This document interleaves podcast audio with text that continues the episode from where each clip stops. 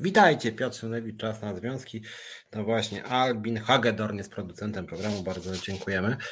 Słuchajcie, dzisiaj e, chciałem porozmawiać o łamaniu praw pracowniczych. To jest właściwie chyba najczęściej w Polsce łamany rodzaj prawa. Na początek może wyrażę kilka, że tak powiem, oburzeń, które pewnie będę omawiał w piątek z Krzyżeniakiem szerzej. E, po pierwsze mamy haniebną ustawę aborcyjną, jakąś taką zupełnie absurdalną. Pamiętacie, spierałem się trochę z Krzyżeniakiem, on uważał, że jeżeli 100 tysięcy podpisów zbierze dowolna grupa ludzi, to to powinno być omawiane w parlamencie. Moim zdaniem tak, o ile, o ile taka ustawa nie jest sprzeczna z prawami człowieka, o ile nie namawia do nienawiści, o ile nie krzywdzi po prostu ludzi, a ta ustawa, którą proponuje pani Godek jest szalenie, jest szkodliwa, niebezpieczna i ultra represyjna, rzeczywiście coś e, wyjątkowo obrzydliwego, tak, żeby karać kobiety więzieniem i to jeszcze 25 lat więzienia, czy nawet dożywocie za dokonanie aborcji.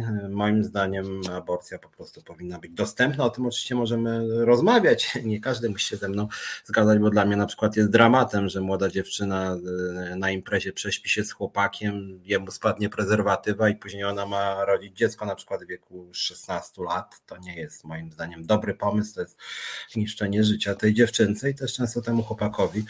Więc moim zdaniem po prostu powinna być aborcja e, dopuszczalna w Polsce e, i powinna być uzależniona od woli kobiety, ale niezależnie od tego, jakie macie zdanie w tej sprawie, uważam, że propozycja mm, ustawy, która każe nawet dożywociem za dokonanie aborcji i kara za dokonanie aborcji jest o wiele wyższa zgodnie z tą ustawą niż za gwałt, jest pomysłem haniebnym i bulwersującym, sprzecznym z prawami człowieka. Właśnie to byłoby chyba najbardziej represyjne prawo na świecie, jeśli chodzi o podejście do aborcji. Ultrarepresyjne, antykobiece, nienawistne, straszne po prostu. A warto pamiętać, że że PiS odrzucał wiele ustaw obywatelskich i na przykład jak chodzi o liberalizację ustawy aborcyjnej, to PiS nie chciał na ten temat e, dyskutować. Druga sprawa, o której nie chcę dzisiaj mówić, więc tylko sygnalnie, e, która nie wiąże się z tematyką związkową ściśle przynajmniej, to jest kwestia łamania konstytucji przy granicy. Muszę powiedzieć, że jestem zbulwersowany tym, że rzeczywiście władza uchwala sobie ustawę, która jest totalnie sprzeczna z konstytucją, że e, skończył się stan wyjątkowy, więc teraz władza będzie sobie mm, właściwie mieć stan wyjątkowy ustawą i władza będzie na przykład decydowała, którzy dziennikarze mają tam wjeżdżać, a którzy nie, kto w ogóle będzie przebywał przy granicy, a kto nie. To jest jawne ograniczenie e, podstawowych praw obywatelskich i jawne złamanie konstytucji. To w ogóle moim zdaniem nie powinno być dyskusji. Dziwię się, że w ogóle opozycja mm, tutaj jakieś dyskusje z władzą prowadzi, bo to po prostu powinna być taka ustawa wyrzucona e, do kosza. E, I trzecia sprawa związana też z propagandą, o tym też pewnie w piątek będziemy sporo mówić, mianowicie widzę jakiś nowy sondaż, w którym Prawo i Sprawiedliwość ma 37%. Jestem obywatelem, jestem działaczem związkowym, jestem osobą publiczną, mm, więc może nie powinienem się obrażać na społeczeństwo, ale w momencie, kiedy pan Mejza jest twarzą Prawa i Sprawiedliwości, do dzisiaj nikt go nie wyrzuca z pracy. Mm, facet, który e, postanowił sobie zbić majątek na e, dzieciach umierających na raka, wprowadzając na rynek e, mm, środek w ogóle niesprawdzony, to jest w ogóle przestępstwo, facet powinien w więzieniu siedzieć. I pan Kaczyński z panem Morawieckim kalkulują, czy tego człowieka opłaca się zostawić, czy nie, i ludzie popierają cały czas Prawo i Sprawiedliwość. Przyznam szczerze, że uważam, że trzeba być osobą wyjątkowo nieetyczną dzisiaj, żeby PiS popierać. No cóż, może się narażam 30 tam kilku procentom społeczeństwa, ale uważam, że rzeczywiście poparcie dla Prawa i Sprawiedliwości jest bulwersujące. Ja wszystko rozumiem, że 500 plus 300 plus 13, 14 emerytura, ale właśnie o tym będę dzisiaj między innymi mówił, że na wielu obszarach życia społecznego, tych kluczowych PiS rzeczywiście państwo niszczy, mam na myśli. Też nie będę o tym za dużo mówił, więc to tylko taki wstęp krótki. E, pamiętacie ten wskaźnik, e, że Polska najmniej wydaje pieniędzy na ochronę zdrowia ze wszystkich krajów Unii Europejskiej. Mamy ostatnie miejsce, jesteśmy jedynym krajem w Unii Europejskiej, który zmniejszył wydatki na ochronę zdrowia w dramatycznym, strasznym, przerażającym 2020 roku. Uważam, że to jest polityka mordercza, po prostu mordercza. Rząd odpowiada za śmierć wielu ludzi i za świadome doprowadzenie do śmierci tysięcy ludzi. Rząd po prostu powinien mieć poparcie 003, jakieś tam 003 ludzi, nie wiem, dziwnych, szalonych, którzy by PiS popierali. To też jest jakiś wynik, moim zdaniem, mm, przepraszam za taką moralinę, demoralizacji polskiego społeczeństwa, że partia, która tnie środki na ochronę zdrowia w czasie straszliwej epidemii się popiera. Coś potwornego po prostu. Uważam, że to jest. No i jak mówię, żaden inny kraj w Europie, nawet Orban, e, nie ma takiej władzy, która właśnie mm, by zmniejszała wydatki na ochronę zdrowia w tym strasznym czasie.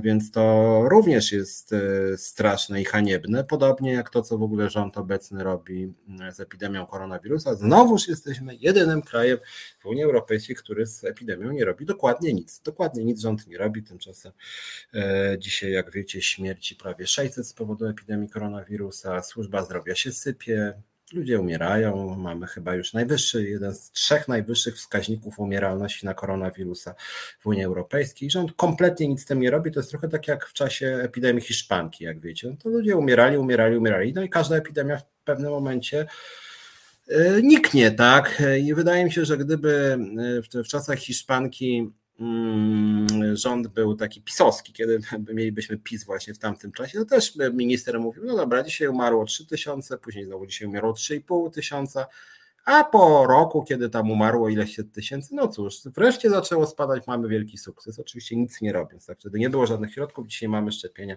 że on w ogóle do nich nie namawia, właściwie do nich zniechęca w gruncie rzeczy tą swoją polityką. I cóż, ludzie umierają, jakoś tak w ogóle się o tym prawie nie mówi.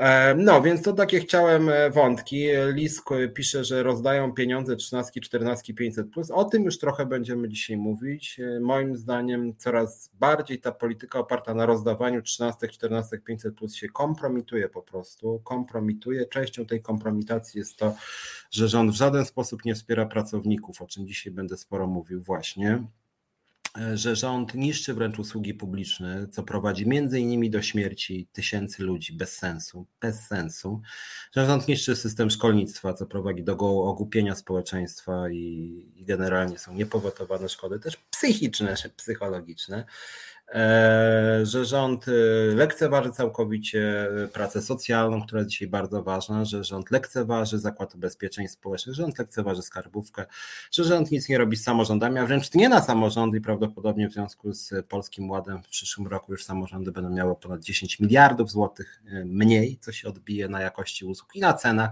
W związku z tym to 500 plus zamieni się w program minus 300 plus więc to wszystko sprawia, że te pieniądze, które rząd rozdaje, wiążą się zarazem z tym, że wiele obszarów życia społecznego, aktywności państwa się zwija na czym ostatecznie ludzie tak naprawdę e, tracą, bo cóż mi nawet po 13, 14 czy 19 emeryturze, skoro nie będę miał dostępu do ochrony zdrowia i po prostu przedwcześnie umrę 10 lat wcześniej niż mógłbym żyć w tym wspaniałym państwie. Cóż z tego, że dostanę 500 plus, e, kiedy cała rodzina będzie chorowała na koronawirusa i połowa rodziny umrze. Mm, więc cóż, no to jest moim zdaniem polityka e, nieludzka, barbarzyńska, skrajnie nieetyczna, plus jeszcze te wszystkie mejzy, sasiny szumowskie, to jest dla mnie w ogóle niewyobrażalne, szczerze powiedziawszy, może ja jestem jakiś opieram się na może jakichś tradycyjnych, e, takich e, nietradycyjnych wartościach, nie w sensie tradycji, tylko że mam jakiś etos, tak, jakieś zasady, że jak ktoś jest oszustem, świnią, że jak ktoś marnuje pieniądze, no to powinien jak za to odpowiadać, no, czy jak ktoś robi takie świństwo, że chce zarabiać na dzieciach chorych na raka, ale w tym rządzie najwyraźniej wszystko jest możliwe, zresztą skoro skoro nic się nie dzieje na przykład biskupom, którzy ukrywają e, księży pedofilów, no to cóż, można tu mówić o etyce tej ekipy. No, ale chciałem dzisiaj mówić, słuchajcie, o prawie pracy. Mm, to jest program związkowy. Dzisiaj chciałem zrobić taki program wybitnie misyjny, że tak powiem. E, Lisk pyta, ile mniej więcej milionów ludzi pracuje w budżetówce łącznie, pewnie kilka milionów, dlaczego wśród nich jest dużo wyborców PiSu, nauczyciele, lekarze, którzy głosują na PiS, może ci ignorują. Znaczy to jest sprawa bardzo złożona, bo w samej budżetówce jest kilkaset tysięcy, tylko że ta budżetówka formalnie nie obejmuje pracowników ani ochrony zdrowia, ani e, samorządu, ani e, szkolnictwa, których jest ponad milion łącznie, bo oni są formalnie przypisani samorządom. W związku z tym w szeroko rozumianej sferze publicznej, która obejmuje budżetówkę i samorządy, pracuje rzeczywiście kilka milionów ludzi i rzeczywiście I rzeczywiście tutaj moje zdziwienie dla tych, którzy PiS popierają, jest bardzo duże, aczkolwiek rzeczywiście akurat wśród tych zawodów budżetówki to poparcie dla PiSu jest niższe, sporo niższe z tego co pamiętam niż całej populacji. Więc tutaj rzeczywiście to, że PiS rozbija e, sferę publiczną, e, lekceważy pracowników budżetówki, lekceważy usługi publiczne, to akurat się odbija na poparciu, że to poparcie rzeczywiście tutaj w tych grupach jest niższe niż w całej populacji.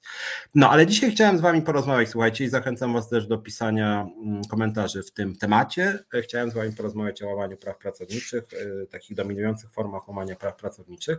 Ja Wam muszę powiedzieć, że mi jest bardzo przykro, że nawet śledzę czasem mm, statystyki swoich różnych wpisów na Facebooku i w momencie, kiedy piszę coś w rodzaju PiS jest podłą partią, PiS to jest banda oszustów, to mam niekiedy lajków 4 czy 5 tysięcy, czyli bardzo dużo, no, tak jak na Facebooka, a kiedy piszę, że warto przestrzegać praw pracowniczych, tudzież, że prawa pracownicze są łamane na masową skalę, to tych lubiących jest jakieś 7, a czasami 12 razy mniej. Co jest bardzo dziwne, bo z jednej strony widać w mediach społecznościowych, że ludzie w znacznie mniejszym stopniu interesują się prawami pracowniczymi, a z drugiej strony wszelkie badania opinii publicznej pokazują, że mm, to właśnie kwestie związane z rynkiem pracy, polityką społeczną, ochroną zdrowia są dla ludzi najważniejsze i moim zdaniem trudno się dziwić, tak? Natomiast rzeczywiście, jak chodzi o obecność w debacie publicznej tych kluczowych tematów, to gdzieś te tematy są na marginesie. Kiedyś Wam mówiłem, że pracowałem nawet w telewizji publicznej, w TVP w latach 2010-2012, byłem bardzo romantyczny w tym sensie, że pisałem wszystkim możliwym wydawcom, producentom, szefom, dyrektorom, słuchajcie, mam pomysł na program i rzucałem, obsypywałem programami o nierównościach społecznych, o łamaniu praw pracowniczych, mm, o tym, czy misyjne programy, o tym, jak walczyć z łamaniem praw pracowniczych. I cóż, i oczywiście zainteresowania nie było. Mówili Piotrek, no ty rzeczywiście pewnie masz nawet wiedzę, tylko że Czemu mamy mówić o jakimś łamaniu praw pracowniczych? Znacznie ciekawsze jest to, że tam, nie wiem, Brudziński Niesiołowskiego nazwał idiotą albo odwrotnie, tak? Mm, co ciekawe, te przekonania czołowych dziennikarzy TVP i wydawców wcale nie przekładały się na oglądalność, dlatego że w momencie, kiedy w tych nielicznych sytuacjach, kiedy mi się udało narzucić temat, na przykład, nie wiem, wzrost nierówności społecznych, to wcale oglądalność audycji publicystycznej nie była mm, niższa niż jak się Brudziński z Niesiołowskim czy jakimś tam tam innym okładali, wyzywali, tak? W związku z tym to była jakaś taka fantazja dziennikarzy. Problem z dziennikarzami jest też taki, że bardzo niewielu z nich ma pojęcie o rynku pracy i polityce społecznej, więc wygodnie jest dla nich rzeczywiście zrobić materiał o tym, że ktoś kogoś e, zwyzywał, nazwał durniem, kretynem mm, albo jeszcze brutalnie, wtedy można, prawda, wysłać taki news do innych mediów i powiedzieć tylko u nas ten gość zwyzywał tamtego gościa, tak? Jest materiał zrobiony. Natomiast w momencie, kiedy na przykład wzrośnie nierówny, poziom nierówności społecznej, to już jest trudniejszy temat, bo trzeba poszukać przyczyn, trzeba poszukać ekspertów, trzeba się zastanowić, y, czy to w ogóle jest problem, bo dla wielu dziennikarzy to w ogóle nie jest problem. E, więc, y, więc dziennikarze mają rzeczywiście wtedy problem i dziennikarze unikają problemu, w związku z tym na te tematy misyjne, że tak powiem, mm, nie ma tutaj jakiegoś zainteresowania. No jak chodzi o misyjność wpisaną w, w funkcjonowanie TVP, no to wiecie, jak wygląda dzisiaj misja TVP. TVP, jedyna misja to jest propaganda partii rządzącej i tyle. Również dzisiaj jest tak, że tą misją Polsatu staje się propaganda partii rządzącej. Przyznam że z oburzeniem odebrałem informację, że Ziemkiewicz, niejaki Rafał, ma dostać program w Polsat News potworny upadek Polsatu, muszę powiedzieć, jako osoba, która przez lat kilka mm, właściwie w Polsacie pracowała. Miałem program w Superstacji, a pan nie przerywałem. Superstacja to, był, to była część y, Polsatu, tak, Solorza. I to, że rzeczywiście dzisiaj jest tak, że mm, w Polsacie ma być program tak obrzydliwej postaci jak Ziemkiewicz Rafał, człowiek, który został wyrzucony z Wielkiej Brytanii za głoszenie antysemickich, faszystowskich poglądów. I taki człowiek dostaje program w Polsat News i to jeszcze jego partnerem do dyskusji ma być Wiktor Świetlik, czyli niedawny szef y, trójki z ramienia pisowskiego. Być może dołączy Monika Jaruzelska, która zapraszała swego czasu jakiego Marcina, Marcina chyba się nazywa, rolę, czyli takiego faszystę, który tam e, co pewien czas jest banowany za e, obrzydliwe faszystowskie wstrętne poglądy na YouTubie czy jakichś tam innych kanałach. Oczywiście nie ma nikogo o poglądach liberalnych, lewicowych, e, postępowych. No to to jest smutne bardzo, tak, że że rzeczywiście Polsat staje się takim TVP BIS. Przykra bardzo ewolucja. Przez lata uważałem Polsat News za najbardziej taką obiektywną telewizję, bardziej obiektywną niż TVN24. Dzisiaj się sytuacja zmienia. TVN24 w pełni obiektywnie nie jest e, jakoś tam sprzyja opozycji, sprzyja prawdopodobnie Platformie, no ale mimo wszystko w porównaniu E, z Polsatem, a tym bardziej TVP, TVN24 jest zdecydowanie najbardziej obiektywny dzisiaj. No mówię to z przykrością, bo jak mówię, Polsat przez lata był rzeczywiście najbardziej obiektywny. Dzisiaj wygląda to coraz bardziej obrzydliwie. Pani Gawryluk to w ogóle jest jakaś pani, która chyba mogłaby startować z Prawa i Sprawiedliwości. E, Rymanowski podobnie. No, Rymanowski nie dość, że te jego programy są mm, prawicowe, to są nudne po prostu. Nie wiem, też jakoś się pan Rymanowski zepsuł, moim zdaniem przynajmniej. Dobra, ale przechodząc do e, prawa prawa pracy, łamania praw pracowniczych. Mm, z prawami pracowniczymi jest w Polsce ten problem, że one są od lat łamane na masową skalę i właściwie nikomu to nie przeszkadza. I tutaj akurat muszę powiedzieć uczciwie i szczerze, że nie przeszkadza to praktycznie żadnej partii. Czasem przeszkadza partii razem, mm, czasem przeszkadza e, zielonym. E, niektóre formy łamania praw pracowniczych przeszkadzają inicjatywie polskiej. E, Jońskiemu czy Nowackiej, kiedy przeszkadzają Zandbergowi czy Dziemianowicz-Bąk. E, czasem rzadko ktoś tam ze SLD się obejrzy. Mm, natomiast generalnie rzecz biorąc, niezależnie od e, partii rządzącej, w Polsce prawa pracownicze były zawsze łamane na masową skalę. Mm, zacznę może od e, artykułu e, prawa pracy, kodeksu pracy, który jest łamany właściwie, e, jak sądzę, w ponad milionie przypadków, więc chyba nie ma takiego drugiego przepisu, który byłby łamany tak na masową skalę jak ten. Artykuł 22 kodeksu pracy, często go przytaczam w tym programie, mm, ale może go tutaj zacytuję, jak dzisiaj się skupiamy w tym programie właśnie na łamaniu praw pracowniczych, więc tutaj do Was też mówię, że być może Was ten artykuł dotyczy i może moglibyście walczyć o swoje, więc dzisiaj Was zapraszam, żebyście mnie uważnie słuchali jako związkowca, być może Wam pomogę. Oczywiście zapraszam Was do związkowej alternatywy, jeżeli macie jakiś problem i chcielibyście z nami działać, to, e, no to piszcie po prostu, czy tutaj, czy do mnie na Facebooku, czy na moje konto związkowe szumlewicz.org.pl albo biuromałpa.org.pl Związkowa Alternatywa zaprasza Was wszystkich. Natomiast artykuł 22 kodeksu pracy, wracam. Słuchajcie, przez nawiązanie stosunku pracy pracownik zobowiązuje się do wykonywania pracy określonego rodzaju na rzecz pracodawcy i pod jego kierownictwem oraz w miejscu i czasie wyznaczonym przez pracodawcę, a pracodawca do zatrudnienia pracownika z wynagrodzeniem. Zatrudnienie w warunkach określonych w artykule pierwszym, czyli tym, którym przed chwilą przeczytałem, jest zatrudnieniem na podstawie stosunku pracy bez względu na nazwę zawartej przez strony umowy. Nie jest dopuszczalne, nie jest dopuszczalne zastąpienie umowy o pracę umową cywilnoprawną przy zachowaniu warunków wykonywania pracy określonym w artykule pierwszym, czyli tym, którym przeczytałem. Przekładając to na bardzo prosty język, mm, jeżeli macie określone miejsce pracy, czas pracy i podległość służbową, to musicie mieć umowę na etat, niezależnie od woli stron i nie jest dopuszczalne, to jest bezpośredni cytat z przepisów, nie jest dopuszczalne zastąpienie tej umowy umową cywilnoprawną. Czyli jeżeli pracujecie w określonym miejscu, pracujecie w określonym czasie i pracujecie pod określonym kierownictwem, czyli macie nad sobą pracodawcę, który wydaje wam polecenia, mm, to jeżeli nie macie etatu, to jest łamane polskie prawo. Tak? To tak naprawdę jest y, no, złamanie przepisów po prostu, za które należy się y, kara. Tak? Czyli w sytuacji właśnie, gdy są spełnione wszystkie te wymogi, to musicie mieć umowę na etat. No i cóż, e, problem polega na tym, że ta ustawa, ten artykuł 22 kodeksu pracy nie jest praktycznie nigdzie przestrzegany. Praktycznie nigdzie. E, w całej gastronomii jest łamany, w połowie handlu, mm, we wszystkich w Polsce prawie kawiarniach, restauracjach, sklepach. E, no, dużej części sklepów, tych dużych już się etaty pojawiły, ale w większości małych sklepów i średnich. Mm, w bardzo, w ogóle no w handlu to w większości rzeczywiście ten drobny handel, który tak lubi Prawo i Sprawiedliwość i co mnie dziwi, część lewicy też właściwie ten artykuł kodeksu pracy jest łamany prawie wszędzie. Mm, ostatnio jest też łamany w takich dużych firmach, jak na przykład TVP czy Polskie Linie Lotnicze LOT, gdzie również są śmieciówki, chociaż jest miejsce pracy, czas pracy i zdecydowanie podległość służbowa. Więc uwrażliwiam Was, że jak chodzi o to, mm, o ten artykuł, y, to zawsze jak nie macie etatu, a pracujecie w określonym miejscu, czasie i podległości, macie podległość służbową, to Wasze prawa są łamane, możecie iść do sądu.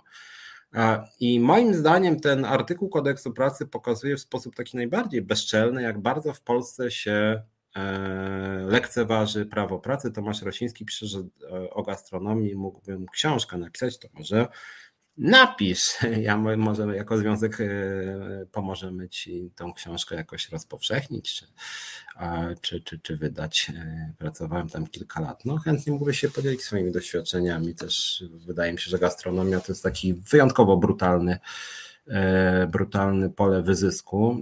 Tym bardziej brutalne, no właśnie, Tomasz pisze, że tam jest gigantyczna skala nadużyć. Ja jestem zszokowany tym i czasem się spieram nawet częścią lewicy, że jest jakiś spór o pracę w niedzielę, handel w niedzielę, tak? Czy mają być otwarte sklepy, czy nie mają być. Solidarność ma jakieś bardzo dziwne podejście, że y, mogą być otwarte sklepy w zasadzie wszystkie.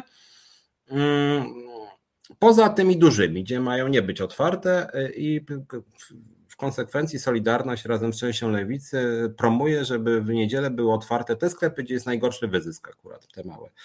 To jest rzeczywiście dla mnie bardzo dziwne. Natomiast e, zacząłem mówić o gastronomii, że o gastronomii nikt się nie troszczy po prostu, bo gastronomia jest otwarta w dzień, w noc, w weekendy, no to szczególnie. E, ludzie zachrzaniają często do piątej nad ranem, nie mają często żadnych nadgodzin, mają śmieciówki, dostają często płacę minimalną, czasem jakaś tam łaskawy napiwek, a czasem go nie ma. Zdarza się, że pracodawca napiwek zabiera, w ogóle nikt się na to nie ogląda specjalnie. Bardzo rzadkie są kontrole inspekcji pracy totalny wyzysk yy, i nikt się tym specjalnie nie interesuje, mm, więc to jest dosyć szokujące i rzeczywiście zawsze praktycznie w gastronomii, no praktycznie zawsze jest miejsce pracy, czas pracy, podległość służbowa, czyli właściwie powinien wchodzić urzędnik inspekcji pracy i z automatu natychmiast zamieniać śmieciówki na etaty albo iść po prostu do sądu oskarżać, yy, oskarżać yy, każdą kolejną kawiarnię, restaurację czy klub. Wszędzie po prostu są śmieciówki. Wszędzie. No ale niestety nikt się tym nie interesuje. Prawo jest łamane na masową skalę. Przykład jeszcze idzie z góry pana, przez pana Milczarskiego, prezesa lotu, czy, czy przez pana Kurskiego, prezesa TVP. Oni też zatrudniają śmieciowo. I jak mówię, nikomu to nie przeszkadza, że, e, że ten punkt kodeksu pracy jest na totalnie masową skalę E, łamany. Tomasz daje przykład. Duży klub w Poznaniu, trzy bary plus kuchnia, dwóch barmanów na każdym barze plus obsługa e, kuchni. Zgadnijcie, ilu ludzi mają zatrudnionych na etacie. Mm, nie wiem, typuję, że zero, ale mogę się mylić. Gala Anonim, chociaż z drugiej strony nie tak łatwo e, zmienić pracę. Jak się postawisz, to ci szef powie, że na twoje miejsce zatrudni Ukraińca za połowę pensji. No właśnie, to jest ta gra też e, migrantami. Niestety w Niemczech się gra polskimi migrantami, w Polsce ukraińskimi. Tomasz pisze, że miałem rację, żadnego na pełen etat. No właśnie panuje przekonanie, że poskarżyć się znaczy stracić e, pracę. No tak, to jest właśnie. Znaczy, problem o tym za chwilę też będę mówił. Problem jest taki w polskim prawie, żeby ten wątek tutaj przed Wami rozszerzyć. Problem polega na tym, że w momencie, kiedy pracujecie w kawiarni czy restauracji, prawo jest tak skonstruowane, że jeżeli macie umowę cywilnoprawną, to e, żeby uzyskać etat, czy żeby kawiarnia musiała Wam wypłacić jakiś ekwiwalent, czy nawet ponieść konsekwencje, to Wy musicie iść do sądu. A jak pójdziecie do sądu, to jeszcze tego samego dnia, czy tydzień później, kawiarnia powie, że rozwiązuje z wami umowę, albo nawet nie rozwiąże umowy, tylko jeżeli macie umowę cywilnoprawną, na przykład odnawioną co miesiąc, to po prostu tej umowy nie przedłuży. Tak więc prawo jest tak skonstruowane, że wszyscy pracownicy na śmieciówkę po prostu boją się iść do sądu, ponieważ nic nie wywalczą, dlatego że żeby móc się bić przed sądem, to jednak warto mieć etat, a tak naprawdę warto mieć jeszcze jakąś ochronę, o czym później będę mówił, najlepiej związkową. Natomiast na umowie cywilnoprawnej nie ma się żadnej ochrony, więc wszyscy się boją, bo jeżeli poskarżą się komukolwiek i jakkolwiek, to bardzo często stracą pracę. Gala na nim pisze, że Kuba Wątłów, Halo Radio też łamał Prawa pracownicze, no cóż, to jest odrębna historia, ale potwierdzam. Niestety często jest tak, że najciemniej jest pod latarnią. Wątły, który dużo mówił o prawach obywatelskich, y, no generalnie bardzo brzydko traktował pracowników, również mnie. Moim zdaniem na dosyć masową skalę stosował mobbing plus. Y, wypłacał stawki w zasadzie poniżej płacy minimalnej, a zatrudniał jakichś kolegów, którym płacił bardzo duże pieniądze. W związku z tym no, było to moim zdaniem niesmaczne z jego strony. Nie mam dużo żalu i dystansu zarazem do Kuby Wątłego. To było brzydkie. Czy druga historia, którą kiedyś Wam wspominałem, nie chcę się dzisiaj na ten temat tutaj mm, roztkliwiać, ale kiedyś do tego i sprawy wrócę również w OPZZ, w Centrali Ogólnopolskim Porozumieniu Związków Zawodowych. Prawa pracownicze były łamane na masową skalę, ja byłem tego świadkiem, również obecnie te prawa łamane. Ja się buntowałem, starałem się z tym bezprawiem walczyć. W konsekwencji ruszyła na mnie nagonka. Obecnie na przykład jest e, sprawa sądowa o to, że jedną z pracownic właśnie zatrudniono na śmieciówce chciała mieć etat. Jak powiedziała, że będzie, że planuje mieć dziecko, to to ją w ogóle wyśmiali, że tym bardziej nie dadzą tego etatu. Również ją bardzo brutalnie mobbingowali. Też pewnie wkrótce ruszy ta sprawa o mobbing, więc w OPZZ również było bardzo, bardzo, bardzo źle, jak chodzi o prawa pracownicze. W związku z tym, jak mówię, czy to jakieś radio obywatelskie było, czy tutaj związek zawodowy, czy bywa źle, tak? Dlatego w związkowej alternatywie e, staram się, aby wszystko było transparentne. Jestem zwolennikiem w ogóle pełnej jawności, transparentności płac, majątków, umów. Mm, my z Moniką Żelazik żeśmy weszli na razie w jeden grant opiekuńczy i wam powiem, że to nie była duża kwota, tam 30 parę tysięcy, ale wszyscy byli zdumieni, bo jako jedyny podmiot w całym tym konkursie y, y, wypisaliśmy etaty, po prostu zatrudnienie etatowe, również dla siebie jako części. No, mały bardzo etat, bo to były małe, małe pieniądze, ale właśnie rzeczywiście, żeby również jako związek, żeby być wiarygodnym, chociaż wiadomo, że 300 na rękę mieliśmy znacznie mniej, bo jak wiemy w Polsce etatowe zatrudnienie się nie opłaca, ale staramy się świecić dobrymi praktykami. Jak związkowa alternatywa będzie zatrudniać ludzi, to również będziemy starali się z konkursów, podając kwoty i w ramach zatrudnienia etatowego, jak tylko to się mm, da. Mm. Galanonie mnie oburzyła wypowiedź starego Matczaka, który mówił o pracy 16 godzin na dobę i jego żenujący tekst do Zandberga.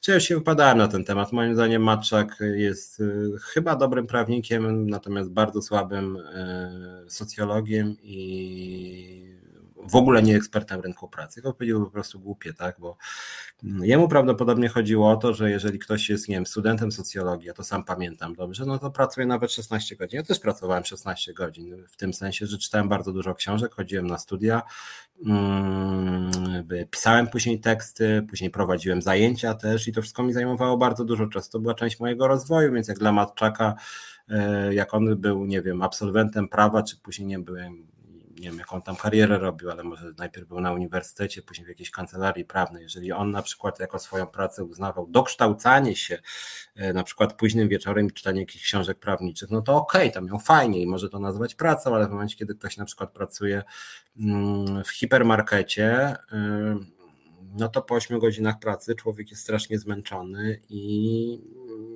no nie życzyłbym nawet Matczakowi, żeby pracował na przykład 16 godzin w supermarkecie, w kopalni, na kolei. Zresztą tym bardziej, że taka praca 16 godzin, jakby pracownik pracował 16 godzin, byłby tak zmęczony, tak zestresowany, zdekoncentrowany często, że byłoby to często niebezpieczne dla klientów czy pacjentów. Tak? Ja bym nie chciał, żeby pociągiem kierował człowiek 16 godzin już jadący czy autobusem. Ja bym nie chciał, żeby lekarz mnie leczył, który, który non-stop pracuje bez przerwy. Mm, I muszę powiedzieć, że kiedyś na przykład prowadziłem wykłady mm, dla szkoły wyższej pedagogium w Warszawie.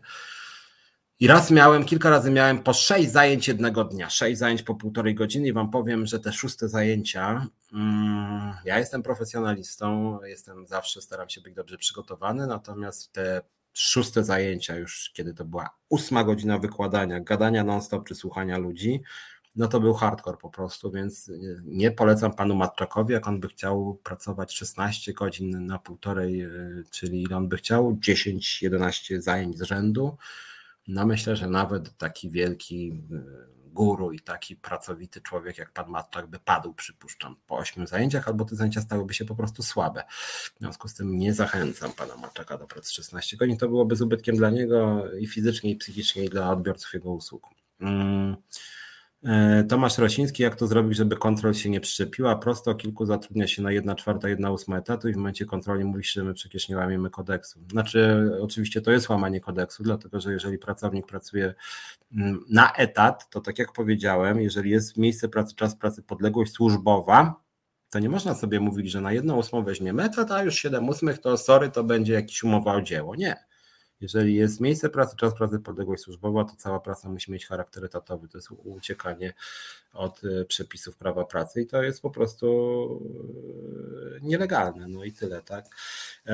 Tomasz pisze, że tak jest na całym rynku w Poznaniu, czy w Warszawie też oczywiście, tak, w związku z tym no to jest rzeczywiście bardzo smutne i to wszystko się dzieje przy akceptacji e, polskiego państwa, no ale cóż tu się dziwić, skoro polskie państwo akceptuje, żeby podobnie naganne praktyki były również w takich czcigodnych spółkach, jak na przykład Polskie Linie Lotnicze LOT, czy telewizja publiczna, tak, telewizja polska. Więc tutaj łamania prawa pracy jest strasznie, strasznie dużo. Mm. Galanonim, podobnie szef Postu Brzoska, który uważa, że ludzie będą za miskę ryżu zapindalać i można ich gnoić. Tak samo praca w Amazonie to hardcore, kapitalizm jest straszny, a ludzie nie protestują.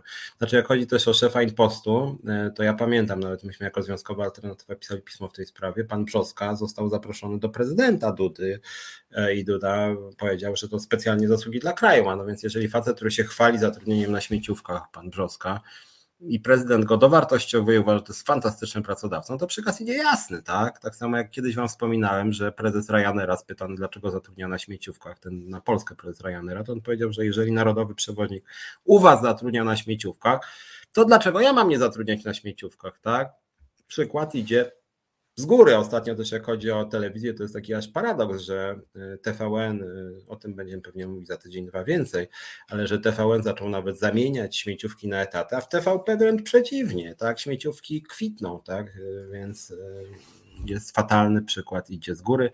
E, Gal jeszcze pisze, że o związkach zawodowych walce o swoje prawa w Polsce nikt nie myśli. No my myślimy, no zapraszamy właśnie do związkowej alternatywy. Uważamy, że tylko właśnie takim mm, solidarnym, zbiorczym e, działaniem coś się uda wywalczyć, że musimy razem działać, bo inaczej nam się rzeczywiście nie uda. Gal też pisze w Biedronce, pracownicy siedzą w pampersach, bo nie mają chwili na toaletę. Znaczy z tymi pampersami to już się chyba jednak zmieniło, bo to kiedyś były takie skandaliczne praktyki. Praca w Biedronce jest e, z tego co wiem bardzo ciężka i tam jest dużo nieprawidłowości, natomiast i tak tych nieprawidłowości jest dużo, dużo mniej niż we wszystkich małych sklepach, które uwielbia Prawo i Sprawiedliwość czy część Lewicy, więc mm, nie to, żebym chwalił Biedronkę, ale akurat w Biedronce, podobnie jak i w różnych Lidlach mm, czy Tesco, tam w większości z tego co wiem są umowy o pracę i są kontrole inspekcji pracy. Natomiast w uwielbianych przez władze sklepach osiedlowych, w tych małych sklepikach, jest totalny wyzysk, nie ma żadnych kontroli, nie ma związków zawodowych. Y, otwarte jest od y, poniedziałku do niedzieli, często do 23 ludzie pracują po 15 godzin, nikt na to w ogóle nie zwraca praktycznie uwagi, jeszcze władza się nimi zachwyca. Moim zdaniem to jest szokujące, tak? bo przy wszystkich władach, jak mówię, w Biedronce czy w Lidlu, warunki pracy są dużo, dużo lepsze niż we wszystkich tych sklepikach osiedlowych. Tam to jest wyzysk, z tego co wiem, zdecydowanie największy i to potwierdzają też raporty inspekcji pracy, dlatego ja czasem się mm, śmieję z części lewicy, jak ona mówi, haha, związkowa alternatywa to związek, który walczy o to, żeby ludzie pracowali w niedzielę. My nie walczymy o to, żeby ludzie pracowali w niedzielę, tylko my mówimy, że dużo ludzi już dzisiaj pracuje w niedzielę i jeżeli ktokolwiek pracuje w niedzielę, to niech dostaje 2,5 razy y, wyższe wynagrodzenie niż za dni powszednie. 2,5 razy wyższe wynagrodzenie. I lepiej byłoby, gdyby sklepy wszystkie mogły być otwarte w niedzielę, ale jeżeli miały być otwarte, to musiałoby płacić 2,5. I co by się stało? Stałoby się to, że ci drobni wyzyskiwacze w niedzielę byliby zamknięci, bo by nie chcieli płacić 2,5, a otwarte byłyby duże galerie handlowe, które by płaciły 2,5 i naprawdę jest dużo ludzi, którzy chcieliby za pracę w niedzielę dostawać 2,5 razy więcej, bo to są po prostu godne pieniądze i wydaje mi się, że warto byłoby y, to zrobić. Widzę, że tutaj Marcin się zaciął z komunikatem każdy komunista to złodziej każdy. Czy moglibyśmy porozmawiać o tej tezie, czyli ta teza powtórzona 14 y, razy, rozumiem, albo jest pan spamerem, taki rzuca pan tak po prostu, żeby zepsuć dyskusję, a jeżeli nie, no to może wejdźmy w jakąś dyskusję, tylko niech pan mi powie, jak pan rozumie komunizm i dlaczego pana zdaniem akurat komunista jest złodziejem, tak, a nie na przykład, nie wiem, kapitalista, socjalista, yy, nacjonalista, kto tam jeszcze, bo nie wiem, jak pan to rozumie, tą swoją tezę, no to jest, tym bardziej, że jak pan powtórzył 14 razy, to Wydaje mi się, że wiele z tego nie wyniknie merytorycznie ciekawego. Eee, no właśnie, Tomasz Rosiński, oni mówią, że osoba właśnie teraz pracuje na to jedną ósmą etatu, normalnie to są ci pozostali. No nie, właśnie, znaczy w ogóle to, że się kogoś zatrudnia na jedną ósmą etatu, a tak to pracuje w ramach umowy cywilnoprawnej, to widać na kilometr, że to jest jakiś, że tak powiem, smród, że to tutaj inspekcja pracy powinna wejść natychmiast po prostu i to skontrolować, powinna sprawdzić, e, w jaki jest tryb pracy i natychmiast zamienić po prostu e, śmieciówki na etaty. I tu od razu Jedna rekomendacja, bo chciałem dzisiaj mówić też, co warto byłoby zmienić. E, warto by zmienić e, polskie prawo w ten sposób, żeby inspekcja pracy mogła z automatu zmieniać umowy śmieciowe na etaty. Inspekcja pracy od razu i później dopiero dobrze byłoby, żeby to pracodawcy musieli iść do sądu i domagać się, żeby mogli z powrotem zamienić etaty na śmieciówki. Więc dobrze byłoby, żeby inspekcja pracy dostała uprawnienia uprawnienia takie, żeby móc, jak widzą na przykład, że w gastronomii, w handlu jest śmieciówka, jest umowa cywilnoprawna, to jeżeli jest miejsce pracy, czas pracy, podległość służbowa, to po prostu inspekcja pracy powinna dekretem zamieniać na umowę etatową. I tego typu propozycje są od lat rozpatrywane, nic się z nimi nigdy nie dzieje. Wiem, że inspekcja pracy, nawet co ciekawe, niezależnie od tego, kto nią rządzi, zawsze mówi, że to byłoby dobre rozwiązanie. Żadna władza od SLD przez PO po tego nie wprowadziła. Więc to tak na marginesie, co by mogło uzdrowić trochę sytuację, tak? Mm, Tomasz Szyndralewicz pracowało się kiedyś 72 godziny, było to niezmiernie głupie doświadczenie, gdybym normalnie się przespał, robota potoczyłaby się szybciej, a dokładniej zwłaszcza. 72 e, godziny no to strasznie dużo człowiek e, człowiek po prostu by no nie może się skupić, często choruje. Tak jak mówiłem, tu nie chodzi tylko o to, że długi czas pracy jest, y, zaburzy jakąś równowagę między czasem pracy i czasem wolnym, ale nawet z perspektywy pracodawcy, praca 10 y, y, godzin dziennie przez 7 dni w tygodniu sprawia, że człowiek jest tak zmęczony, tak zestresowany, że po prostu gorzej pracuje. To się przestaje nawet firmie opłacać. Tak? Przecież pracodawcy często skracają czas pracy nawet nie dlatego tylko, że związki zawodowe urosły w siłę, czy partie socjaldemokratyczne, czy socjalistyczne, chociaż też na pewno, ale też dlatego, że część e, przedsiębiorców, tych co mądrzejszych, zauważyło, że po prostu pracownik wypoczęty lepiej pracuje. Wszyscy to zauważyli. Marcinie, nie pisz głupot, bo kapitalizm jest dla ludzi, socjalizm dla bydła. No, no ja nie wiem, co sądzić o takim takiej frazie. Mam do Ciebie prośbę, że jeżeli jesteś istotą żywą homo sapiens, to jeżeli masz takie zdolności merytorycznej, jakiegoś argumentacji, to spróbuj swoje tezy formułować w taki trochę bardziej inteligentny sposób, tak żeby był jakiś argument, chociażby śladowy, tak? A nie jeszcze dużymi literami kapitalizm, małymi socjalizm. Nie wiem, co masz na myśli w ogóle, więc, więc trudno mi się, bo rozumiem, że to głównie inwektywy są celem tych twoich wpisów, a mi się nie chce z inwektywami rozmawiać, więc jak dalej będziesz tak formułował w sądy, to po prostu nie będę na nie zwracał uwagi. Jeżeli chcesz porozmawiać, to zachęcam, poproszę bardziej rzeczowo. Eee, Tomasz pisze, to oczywiście jest łamanie prawa i totalny bullshit, bo trzeba być, przepraszam, mało rozgarniętym, żeby w to uwierzyć. No owszem, no tylko właśnie mówię, nie ma instancji, nie ma instancji, e, która by to kontrolowała. Inspekcja pracy nie ma uprawnień, pracownik się boi, bo może stracić pracę i w konsekwencji polskie państwo e, te patologie akceptuje. Chciałbym jeszcze jedną rzecz zwrócić uwagę, a propos też przejdę zaraz w, Agorze, co się dzieje, e, ale ostatnio było kilka takich w złym tego znaczeniu efektownych zwolnień działaczy związkowych. Mm, może dwa słowa wprowadzenia merytorycznego w Polsce, część z Was pewnie o tym nie wie. W Polsce jest tak, że związki zawodowe mogą działać na terenie zakładów pracy, zgodnie z ustawą mogą działać w pełni swobodnie. W praktyce niestety jest tak, że pracodawcy mm, są represyjni wobec związków. My to na przykład wiemy jako związkowa alternatywa, nas bardzo brutalnie atakują, czy to na poczcie, czy to w Zakładzie Ubezpieczeń Społecznych, czy to w polskich liniach lotniczych LOT. Ostatnio na przykład w ZUS-ie nam się po prostu wręcz utrudnia prowadzenie działalności. ZUS w ogóle nie chce uznać naszych chciał statutowych, to jest zupełnie coś niesamowitego i właściwie to jest działalność kryminalna Zakładu Ubezpieczeń Społecznych bo łamią ustawę o związkach zawodowych, o rozwiązywaniu sporów zbiorowych. Ale chciałem powiedzieć o jednej, właśnie chcę Wam pokazać trochę, ten program mój w tym sensie jest misyjny, chcę Wam pokazać, jak wydawałoby się szczegółowe przepisy są bardzo ważne dla ludzi pracy, dla związków zawodowych. Otóż jest coś takiego w Polsce, e, że związki zawodowe mogą e, zgłaszać poszczególne osoby, poszczególnych działaczy związkowych jako osoby, że tak powiem, chronione. O co tutaj chodzi? Chodzi tutaj o to, że w momencie, kiedy powstaje związek zawodowy, to bardzo często pracodawca jest wkurzony, że taki związek powstaje i osobę, która ten związek zakłada, no niestety taką mamy praktykę, taki mamy klimat e, polityczny, taki mamy klimat na rynku pracy i w firmach prywatnych i publicznych często pracodawca chce działaczy e, związkowych, takich założycieli związku, po prostu wyrzucać z pracy, szczególnie liderów. Jak się wyrzuci lidera, to zazwyczaj związek jest skasowany.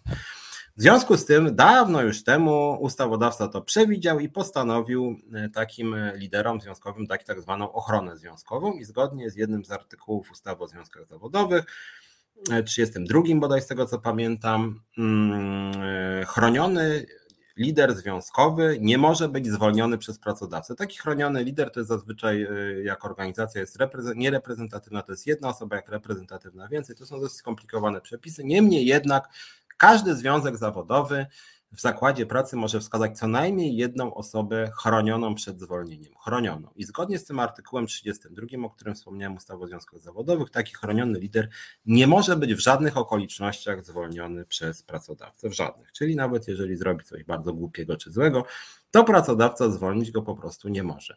Ale uwaga, uwaga, na tym obszarze polskie prawo jest trochę sprzeczne, ponieważ się okazuje, że w momencie, kiedy pracodawca takiego lidera związkowego zwolni, to to zwolnienie jest ważne. To znaczy, pracownik traci pensję, pracownik traci, nie wiem, jakąś tam wejściówkę, pracownik nie jest dopuszczony do pracy. Czyli tak naprawdę ta ochrona ma charakter fikcyjny. Przekonała się o tym na przykład Monika Żelazik e, w polskich liniach lotniczych LOT. Ostatnio mieliśmy też zwolnienie na przykład pana Wembanku, mieliśmy dziewczynę, e, panią Malinowską, którą zresztą znam e, w Amazonie. Były swego czasu takie zwolnienia właśnie na Poczcie Polskiej, swego czasu myśmy też mówili, tutaj był też na przykład pan Moniusz Kościuszko z poczty, który był zwolniony dyscyplinarnie również jako chroniony lider związkowy. Takich przypadków jest bardzo, bardzo dużo, że niby są chronieni, a nie są chronieni.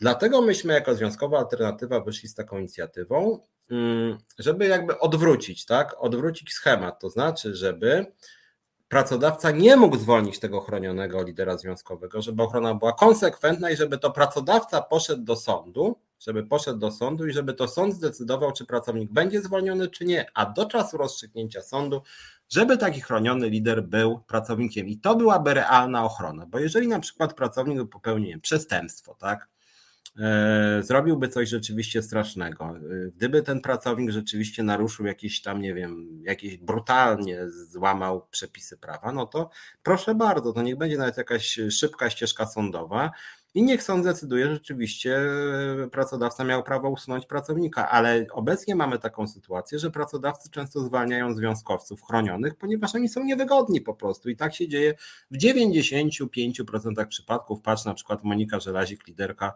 e, e, liderka strajku w locie, która obecnie jest wiceprzewodniczącą Związkowej Alternatywy, wyleciała właśnie za to, że była niewygodna dla pana Milczarskiego. No i cóż w takiej sytuacji zrobić? No właśnie, ochrona powinna być realna i wtedy rzeczywiście ci liderzy liderzy związkowi mogliby nie bać się po prostu e, represji. Więc to jest taki przykład, e, jak działa, jak działa prawo i jak działa prawo niestety jest często fikcyjne, tak, że niby związkowiec nie może być zwolniony, jak pracodawca chce się go zwolnić, to się go zwalnia po prostu i dopiero na przykład po dwóch czy trzech latach sąd decyduje, że jednak się go przywraca do pracy, bo bardzo często tak jest, że się go przywraca do pracy, ale sami wiecie, przerwa w karierze zawodowej trzy lata to jest na tyle dużo, że po prostu no, taki człowiek już wypada trochę z obiegu, często sobie szuka nowej pracy i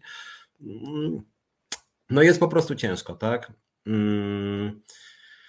Galanonim w Agorze, która walczy, protestuje o prawa pracownicze, sami ponoć zatrudnieni na śmieciówki, czy inne skandaliczne sytuacje miały miejsce. Znaczy tak, oczywiście, że tak. Znaczy w Agorze jest taka dziwna sytuacja, że jest, y, z tego co wiem, są władze całej Agory, tak, taki centralny zarząd, tak, a z drugiej strony są, y, jest redakcja Gazety Wyborczej, która w tym wypadku E, pełni funkcję, że tak powiem, pracowników, tak? I tam jest e, protest przeciwko bodaj zwolnieniu jednego człowieka właśnie z tego szczebla, że tak powiem, niżej. Ja powiem tak, no niezależnie od tego, że nie jestem jakimś tam wielkim fanem poglądów Michnika, no to w tym wypadku on reprezentuje załogę, można powiedzieć, tak? E, to, że używa często nie za mądrych argumentów odnośnie rynku pracy też, prawda? Natomiast no, to jest spór pracowników z zarządem firmy, no. Mm, I cóż, takie sytuacje się rzeczywiście często zdarzają i pracownicy są stroną słabszą. No, zarząd jest tutaj zawsze uprzywilejowany. Natomiast no, sam Michnik być może teraz się przekonuje, że represjonowanie pracowników nie jest fajne. Tak? Często lekceważył właśnie ruch związkowy, prawa pracownicze. Teraz sam widzi, że to poważna sprawa jest te prawa pracownicze. Tak? Tomasz Rosiński, zapraszam Matczaka do noszenia Siporexu na 12 piętro wieżowców 16 godzin. No ja też uważam, aczkolwiek tak jak mówiłabym, Matczaka chyba po prostu nie traktował aż tak poważnie. No, facet się po prostu na tym nie zna, no, zna się na prawie i na prawie warto z nim, o prawie warto z nim rozmawiać, natomiast rynku pracy chyba nie warto, bo jest nie za mądry na tym polu, no nie każdy człowiek się na wszystkim zna. Szkoda, że się ludzie tak wypowiadają. Na przykład teraz mamy strasznie dużo ekspertów od koronawirusa, jakieś, mnóstwo jakichś idiotów, którzy mówią, nie wiem, przytaczają jakieś pseudobadania, że nie wiem, że właśnie jakieś chipy wyrastają od szczepionek na przykład. No cóż, no taki mamy też czas. Mm, Galanonim wielu dziennikarzy rzuciło zawód, bo po prostu nie mogą z tego wyżyć, ale co się dziwi, skoro na przykład wykładowca z uniwersytetu za 30 stron analizy naukowej dostaje ledwie 300 zł, no to drama, to jakaś influencerka za nic nie robienie zarabia gruby hajs. Chory świat. No tak, ja się w pełni zgadzam. Akurat też mnie to oburza, przyznam z czasem, że jestem liderem związkowym, jestem dziennikarzem, zarabiam ostatnio małe w sumie pieniądze, ja wiem, ile ja tam zarabiam ostatnio, 3-4 tysiące miesięcznie mm, na rękę, czyli bez szału, a, a niektóre bardzo niemądre, mówiąc delikatnie, jakieś influencerki zarabiają za jeden wpis na Instagramie chyba 20 tysięcy, a czasem i więcej no to nie jest sprawiedliwy system, więc może wypadało przynajmniej jakoś wyżej opodatkować ten, tych celebrytów. Ja, ja, ja od początku mówię, czy na przykład ten system reklam też, no ale później jak się mówi, że na przykład Lewandowski powinien płacić wyższe podatki, to razu wszyscy, o wspaniały, wielki piłkarz, co prawda zarabia jakieś dzikie miliony, ale on zasłużył. No. No i tu jest właśnie ten problem, tak? Uważam, że system podatkowy jest niesprawiedliwy, że rzeczywiście bardzo zliberalizowano e, przepisy dotyczące e, rynku reklamowego i przez to właśnie wzrosły tak nierówności, tak? Bo cały ten system tak działa, tak? że na przykład właśnie poprzez jakiś Instagram, YouTube, przez reklamy można zarobić dzikie miliony, właściwie nic nie robiąc, tak? No i cóż, no tak, tak jak mówię, to jest też część przepisów, które bardzo się tutaj na tym polu zliberalizowały.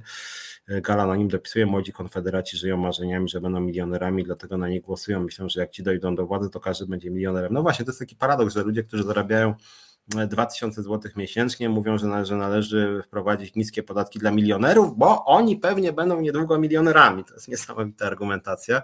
E, i ci młodzi ludzie walczą o niskie podatki, a sami jakby tracą na tych niskich podatkach, dlatego że w wyniku niskich podatków są na przykład cięcia na transport publiczny, są cięcia na edukację, mm, są cięcia na różnego rodzaju usługi publiczne, z których całe społeczeństwo korzysta, tak? Są cięcia na przykład na politykę rodzinną, a ci młodzi ludzie często mają dzieci i w konsekwencji jakby sami sobie przygotowują szubienicę ci młodzi konfederaci. To jest bardzo, bardzo nierozsądna e, polityka. Natomiast chciałem jeszcze dodać na początek, znaczy na początek, bo już prawie połowa programu, ja mówię na początek, ale chciałbym tak dorzucać, e, odpowiadając na Wasze pytania, bo e, od razu mówię, ja chciałbym tak co trzy tygodnie robić program jakby 100 pytań do, także odpowiadam na Wasze pytania. Mm, i mi to pasuje, a po kolejne dwa czy trzy tygodnie zapraszać gości. Dzisiaj sobie wybrałem właśnie tak, żeby odpowiadać na Wasze pytania odnośnie rynku pracy. Ja też jako lider związkowy powtarzam, zapraszam, bo do związkowej alternatywy w związku będziemy, jeżeli wstąpicie, będziemy po prostu silniejsi, skuteczniejsi, będziemy mogli stawiać się bardziej nieuczciwym pracodawcom, temu nieuczciwemu moim zdaniem rządowi. No ale chciałem Wam powiedzieć o jednym mechanizmie, który jest bardzo, bardzo niepokojący w, e, w sferze budżetowej, bo my jako Związkowa Alternatywa działamy aktywnie właśnie w sferze budżetowej, w instytucjach państwowych, instytucjach publicznych, samorządowych, spółkach Skarbu Państwa. I rząd wprowadził rzecz bardzo, bardzo złą, moim zdaniem, bardzo niemoralną, bardzo też e, szkodliwą dla morale pracowników. Mm, mianowicie, e, mianowicie rozporządzenie przygotował pan premier Morawiecki, e, które moim zdaniem, aż może je otworzę i wam kawałeczek tego rozporządzenia e, przeczytam, e, bo je tutaj mam.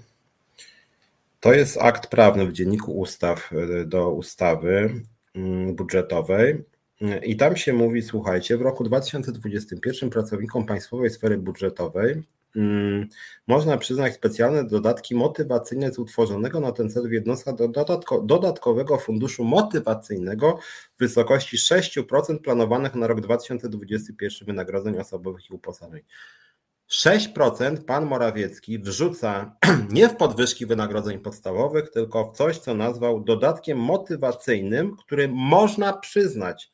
Można przyznać pracownikom, czyli Opiera się to na widzi mi się, jest to dosyć arbitralne, jest to relatywnie duża kwota, bo to jest 6% y, wynagrodzeń rocznych, czyli jeżeli na przykład ktoś zarabia, nie wiem, 5 tysięcy złotych brutto y, miesięcznie razy 12, 60 tysięcy, 6% to jest 3600 zł brutto średnio, średnio, średnio 3600 brutto, to jest pewien fundusz, W związku z tym, co myśmy negocjowali ostatnio, co była tutaj na przykład Agata Jagodzińska z e, administracji skarbowej, czy e, była Ilona Garczyńska z ZUS-u, to samo jest wśród pracowników policji, to samo jest w wielu, wielu innych urzędach, że są dodatki, które są od 1000 do 5000 złotych, bardzo duży rozstrzał, bardzo duży rozstrzał. E, i, i co? I pracownicy zaczynają na siebie podejrzliwie zerkać, że jeden dostanie 1000, drugi 5. Jest to oparte często na widzimisię prezesa poszczególnej placówki. Nie ma zagwarantowanej podwyżki płac dla wszystkich pracowników wynagrodzeń podstawowych, nie ma. E, I w konsekwencji można powiedzieć, że się rozgrywa pracowników przeciwko sobie właśnie tymi nagrodami. I się mówi, no słuchaj, no ty dostaniesz dwa, jak będziesz e, dwa i pół tysiąca albo trzy, jak będziesz grzeczny, jak będziesz niegrzeczny, no to ci możemy dać na przykład 500 złotych, więc uważaj. I w ten sposób wymusza się na pracownikach posłuszeństwo i takie lizusostwo, skłóca się ze sobą związki, skłóca się pracowników w obrębie związków, tak? Bo jeden dostanie 5 tysięcy, drugi tysiąc i mają teraz jeden ten co mniej będzie, a, a ty dlaczego dostałeś 5? A czy ty przypadkiem coś się nie podlizywałeś, nie podejmowałeś jakichś działań za moimi plecami, tak? Ten drugi oczywiście się obrazi, no i generalnie o to właśnie chodzi, a tymczasem wynagrodzenia sfery budżetowej są od lat zamrożone, od ponad 10 lat. Jest jakiś chory mechanizm, że dosypuje się pieniądze jakimiś dziwnymi kanałami, zamiast po prostu podnieść pensję pracownikom do jakiejś godnej wysokości, tak? I druga sprawa bardzo ważna i moim zdaniem również na granicy prawa jest taka, że od co najmniej 10 lat, właściwie od 12, jeśli dobrze pamiętam, nie ma podwyżek płac w budżetówce, tylko jest podwyżka funduszu płac. To jest w ogóle coś, jakiś kosmos prawny, mianowicie zamiast podnieść ludziom pensję średnio każdemu pracownikowi o 10%, czy o 5%, czy o 20%, to się podnosi fundusz płac o 10%, co oznacza, że jeden pracownik może dostać 0, a drugi 20. I znowuż to samo co z tymi nagrodami. Ludzie się kłócą między sobą, nie rozumieją mechanizmu, wygrywa się jednych przeciwko drugim. Ci najbardziej posłuszni pracodawcy często dostaną 50% podwyżki za plecami załogi.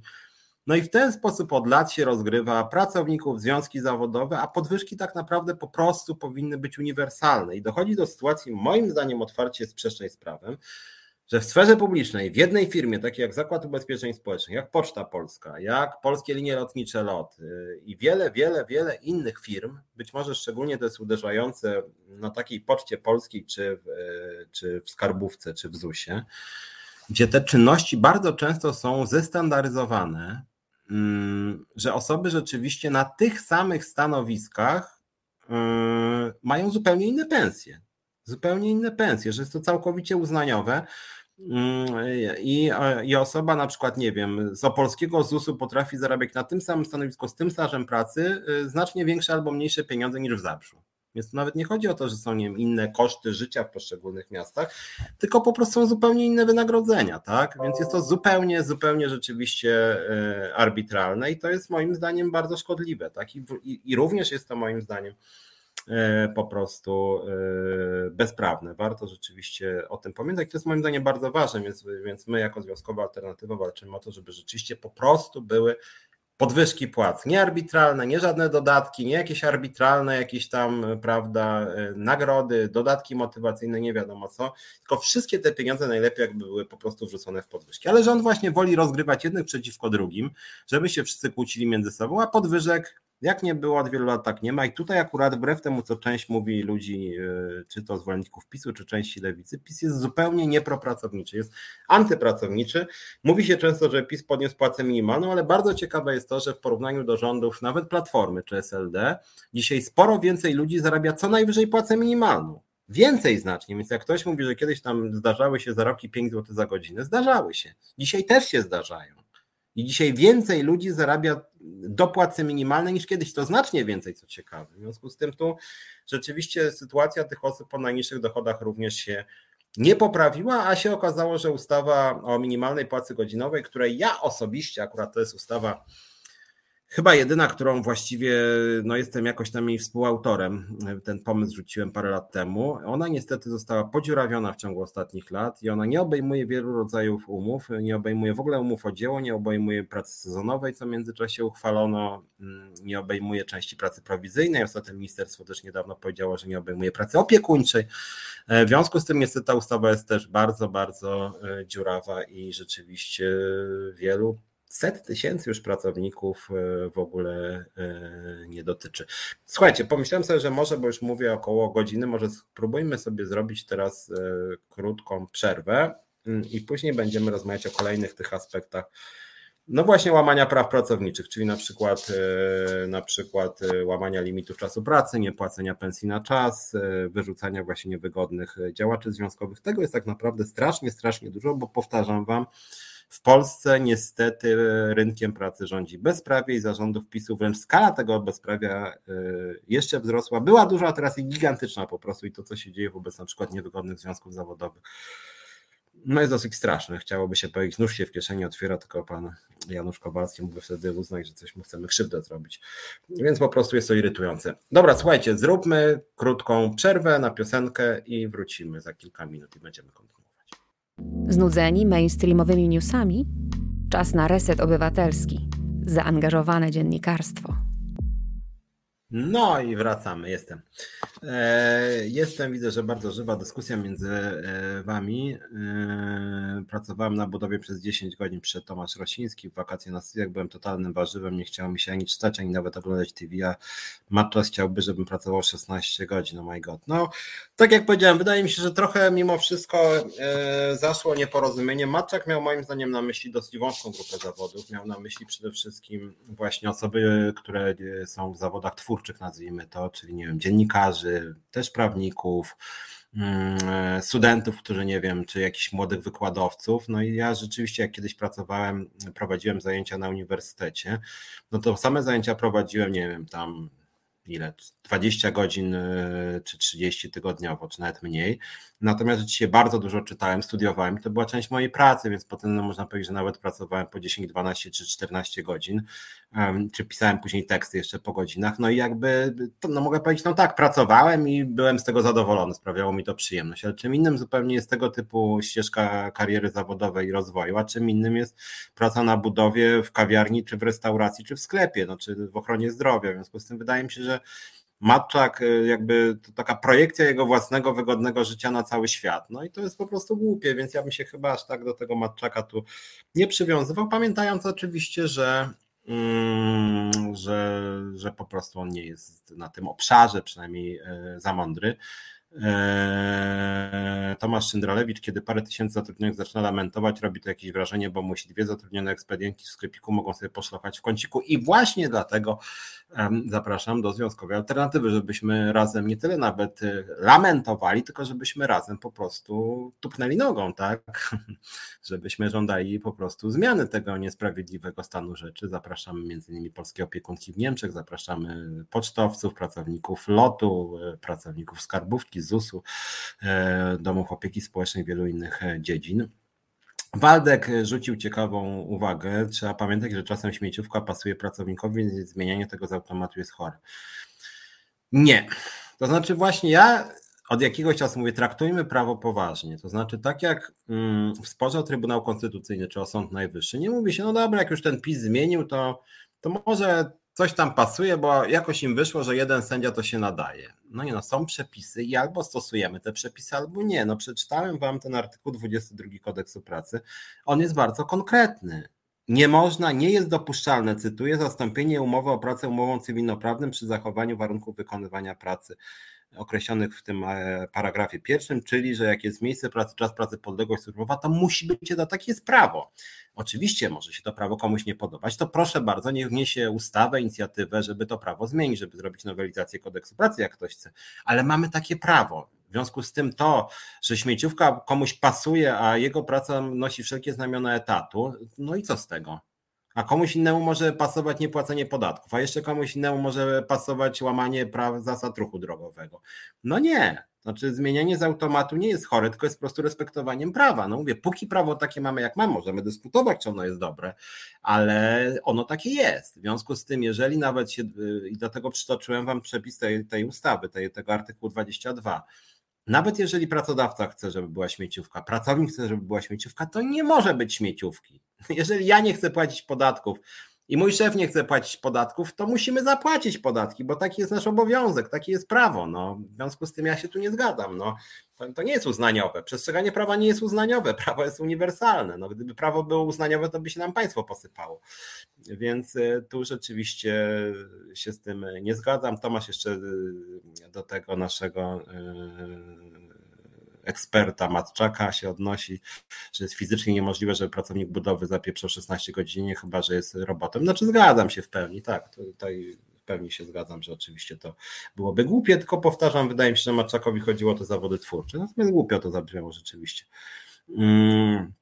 Ja załamuję ręce, Lisk pisze, gdy słyszę o tych wszystkich korporacyjnych pierdach mających na celu podniesienie motywacji pracowników, jakieś bzdurne szkolenia i kursy motywacyjne, to zgadzam się, oczywiście to jest dyscyplinowanie pracowników, no ale żeby się temu przeciwstawić nawet i walczyć o swoje interesy, to potrzebny jest silny ruch związkowy i dlatego o tym mm, między innymi mówię, Lisk, no tak, inicjatywy typu nadawanie tytułów pracownik miesiąca, uścisk dłoni prezesa, nie mogą po prostu dać podwyżki albo zmniejszyć ilość obowiązków. No więc właśnie też tak uważam. Lisk słusznie pisze, to by 100 razy bardziej zmotywowało pracownika niż takie pierdy, no ale ludziom musi wystarczyć karta multisportu, ale hojność. No więc właśnie o to chodzi, no, że ja też często tak mówiłem, ja pamiętam jak pracowałem w TVP, wszyscy robili jakieś wigilie, święta, nie wiadomo co jeszcze, ja mówiłem, ludzie dajcie sobie spokój z tymi jakimiś wigiliami, nie wigiliami, jakimiś strasznie dużo żarcia, zamiast jakichś sztucznych imprez, gdzie wszyscy życzą nie wiadomo czego, to lepiej by dali po prostu po 500 zł albo podwyżkę 100 zł. Zresztą na przykład w OPZZ było to samo dokładnie. Mm, bardzo bogate posiłki, jakieś huczne imprezy, a jak chodzi o podwyżki dla pracowników, to było z tym bardzo źle i wcale nie chcieli dawać podwyżek kierownictwo ówczesne OPZZ, to podobnie jak kierownictwo TVP, więc tutaj się to absolutnie nie różni. W pełni się zgadzam, to jest taka pusta mowa trawa właśnie, że o, zrobimy wielką imprezę, ta impreza i tak ostatecznie służy najbardziej dyrektorom, pracownicy nic z tego nie mają, czują się zestresowani, a jak chcą e, spędzić e, święta, to spędzają ją z rodziną czy z bliskimi, w związku z tym to tak wygląda. Barnaba, no właśnie, chciałem o tym też powiedzieć dobrze, że Barnaba to poruszył, mianowicie konstytucja gwarantuje prawo do zrzeszania się w związkach zawodowych.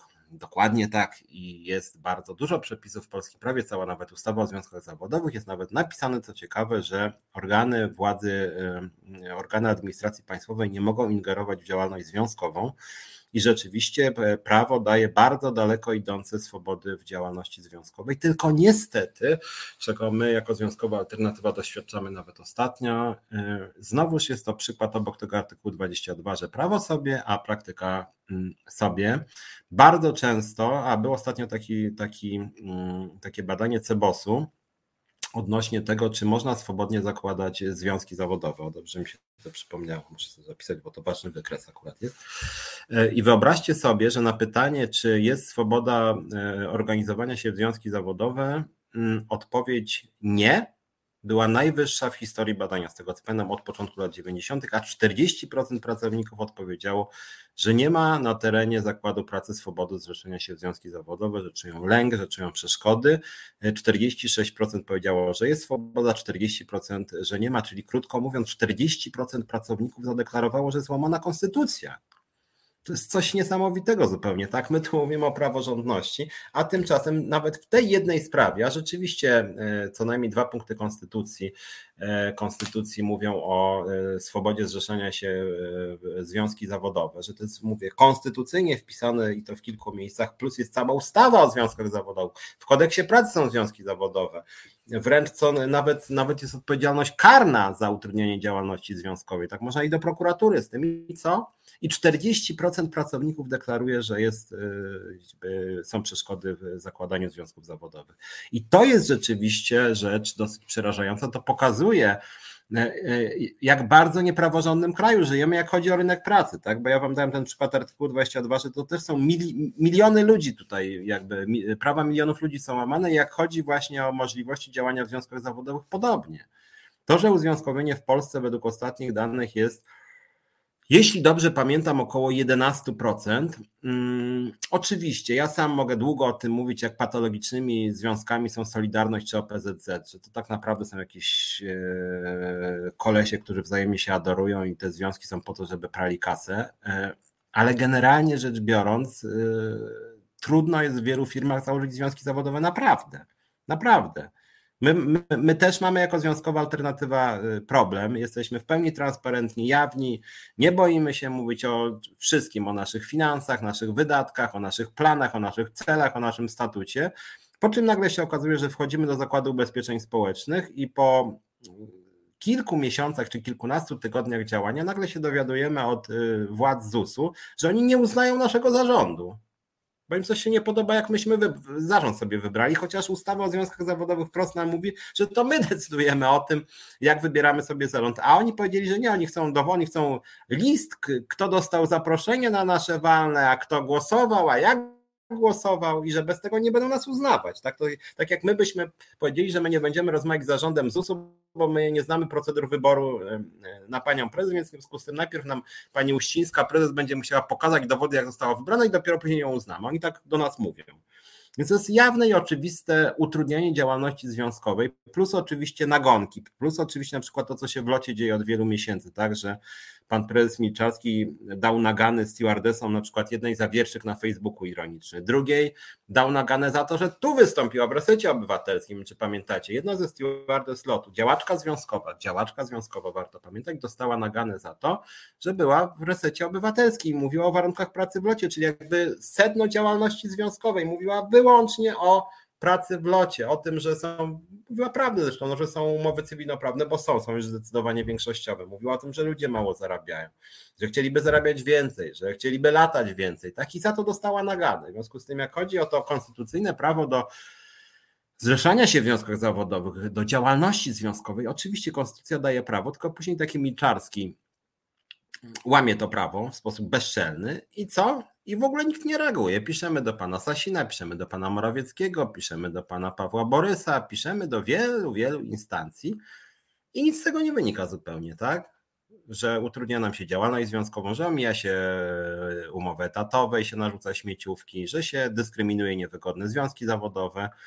No i właśnie problem polega na tym, że cały system polskiego państwa y, firmuje łamanie prawa, również jak chodzi o ustawę o związkach zawodowych, która rzeczywiście no, daje nam pełną swobodę działania na zasadach, które my sami sobie określimy, jak chodzi o naszą wewnętrzną strukturę, po czym patrzymy na taki ZUS, patrzymy na, taką, na taki lot, no i cóż, i nagle się okazuje, że, e, że niestety tak łatwo z tą działalnością związkową nie jest, tak? Mm, tu Marcin widzę jakieś.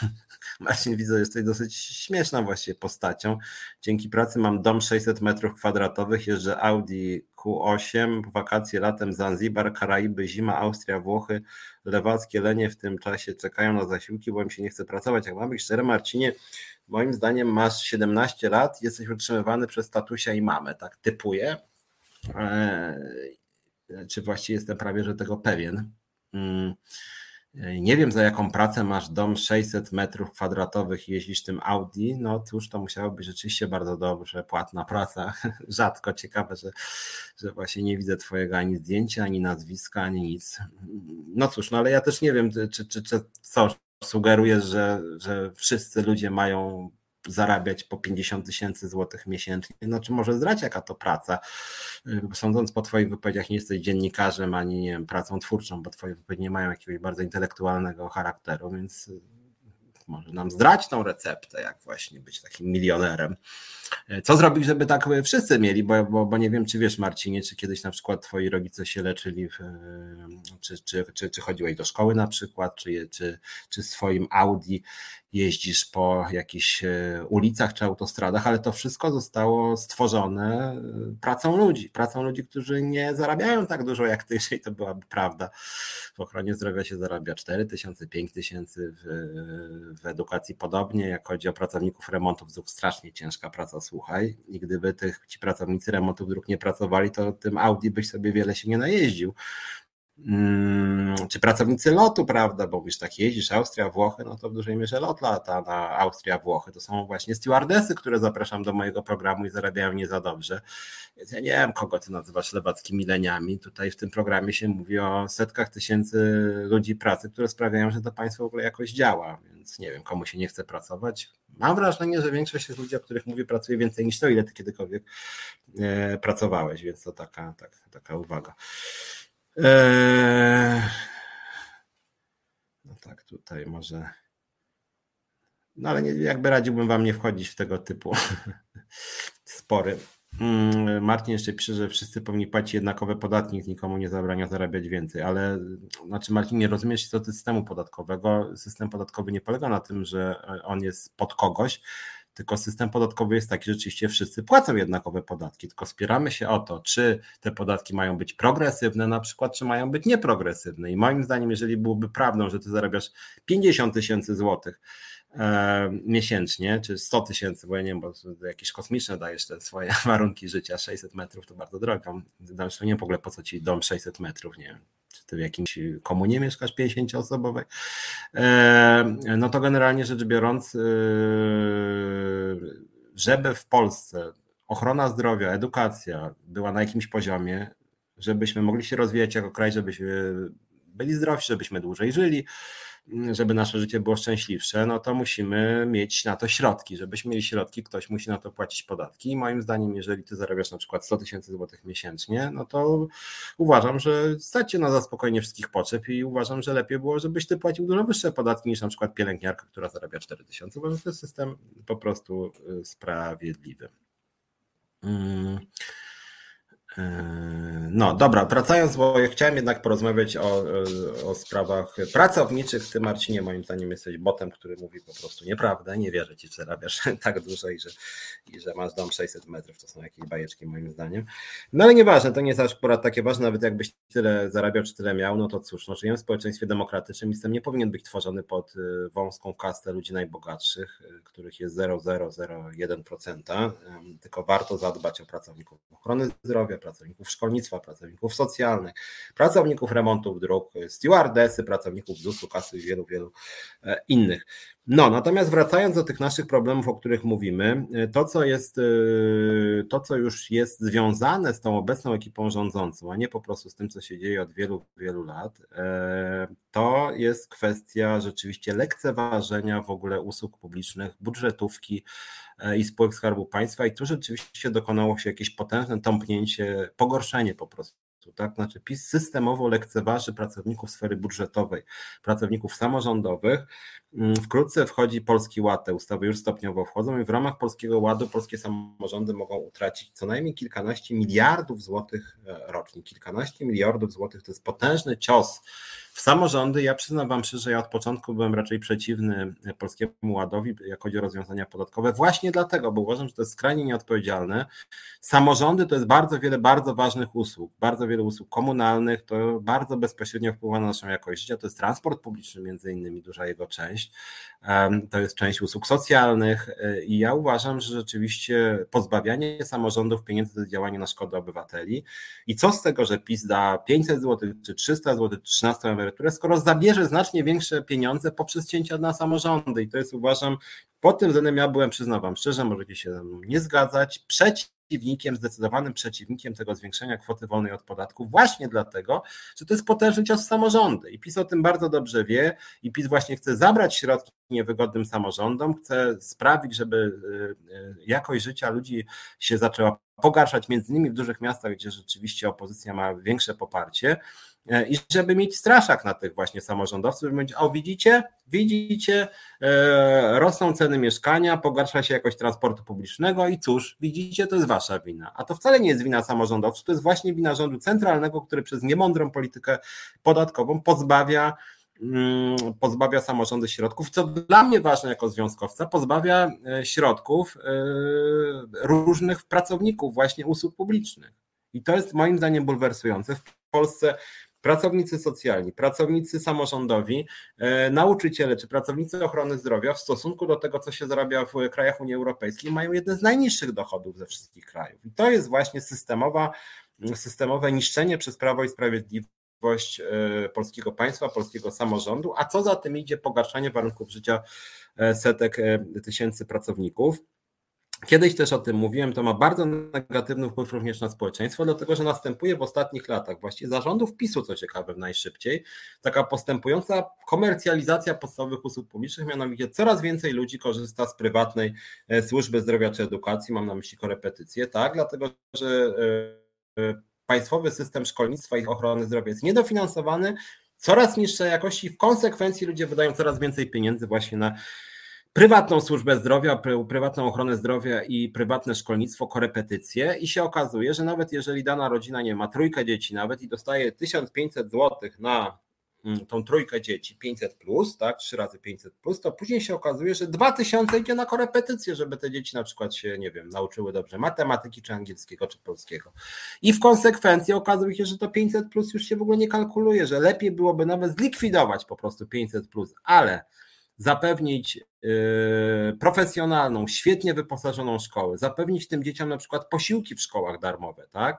I w tym momencie, gdyby dzieci na przykład, gdyby rodzice nie wydawali pieniądze na mm, korepetycje i gdyby zapewnić wszystkim dzieciom w szkołach wysokiej jakości obiady codziennie, to przecież byłoby dużo więcej warte niż te 500 plus. Dla części rodzin to byłoby 2000 plus. W związku z tym, no, ja nie mówię od razu likwidować na sztandarach 500, tylko są rzeczy ważniejsze, tak? I moim zdaniem opozycja przepuszcza właśnie od lat właściwie okazję, żeby jakąś alternatywę wobec PiSu przedstawić, bo w, e, w kontekście praw pracowniczych też to mówię, dlatego że przecież te usługi, o których mówię publicznie, na przykład gotowanie obiadów dla szkół, to przecież są też miejsca pracy, które mogą być dobrze płatne. Zamówienia publiczne też był, w pewnym momencie był była wielka dyskusja o, o tym, jakie powinny być zasady zamówień publicznych. Tak? Ja już wtedy bardzo ostro walczyłem o to, żeby w ramach zamówień publicznych był obowiązek umów etatowych, tak? żeby były kryteria jakościowe dla pracowników, którzy wykonują zlecenie państwa. Tak?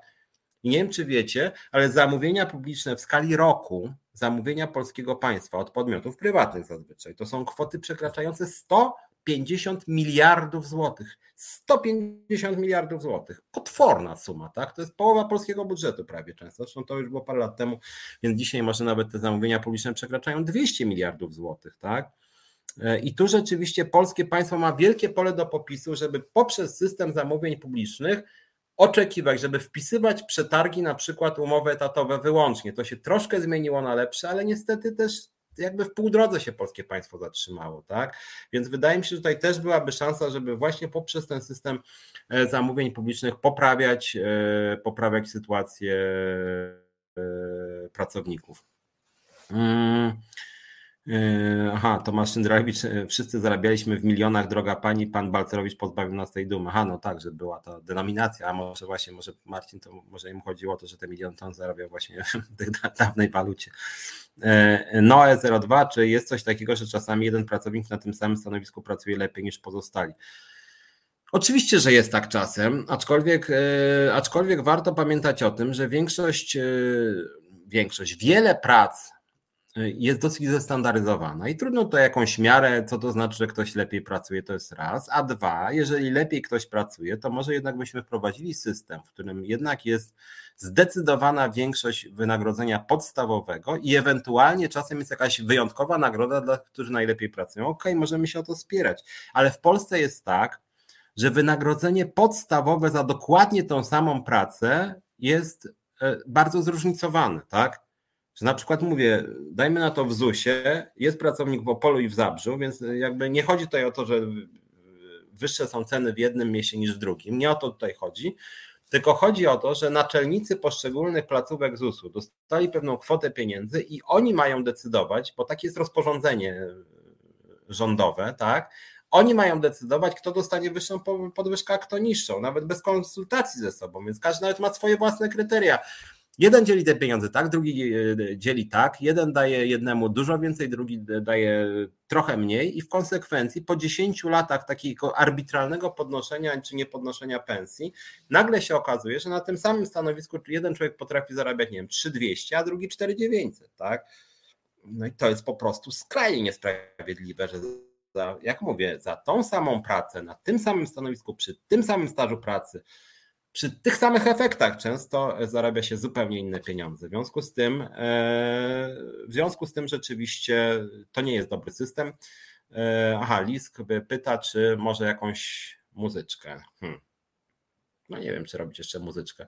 No może nie wiem, może, może dajmy jakąś krótką piosenkę, jeśli można. Tylko jakąś nie za długą zróbmy piosenkę i później jeszcze pół godziny sobie porozmawiamy o tym, może faktycznie dwie piosenki lepsze niż jedna, bo ja lubię tak gadać, później gadam godzinę, może warto zrobić dwie przerwy po trzy minuty, więc jeśli można, zróbmy teraz jeszcze krótką przerwę i zaraz wrócimy. Reset Obywatelski działa dzięki Twojemu wsparciu. Znajdź nas na zrzutka.pl. I wracamy. Piotr Szymlewicz, Czas na Związki. Rozmawiamy o prawach pracowniczych w Polsce, jak na masową skalę są łamane. Tomasz Szyndralewicz pisze, że kolega w powiatowym szpitalu zarabia po 30 paru latach nienaganej pracy najniższą krajową, jak my wszyscy techniczni. Szpital jest permanentnie zadłużony, więc nie ma szans na podwyżki. To czy tutaj jedna też uwaga odnośnie tego, że bardzo źle się dzieje, że obecna władza, ale to akurat od lat się w Polsce dzieje. Są bardzo niskie zarobki dla wielu pracowników e, ochrony zdrowia, ale też dla pracowników e, niemedycznych. Nie wiem, w jakim sensie jesteście techniczni, bo ja pomyślałem sobie, że jesteście niemedycznymi pracownikami, którzy w ogóle w Polsce bardzo, bardzo słabo zarabiają, podobnie jak na przykład y, bardzo słabo zarabiają pracownicy szkół, którzy nie są nauczycielami, bardzo słabo zarabiają pracownicy policji właśnie tej niemundurowej.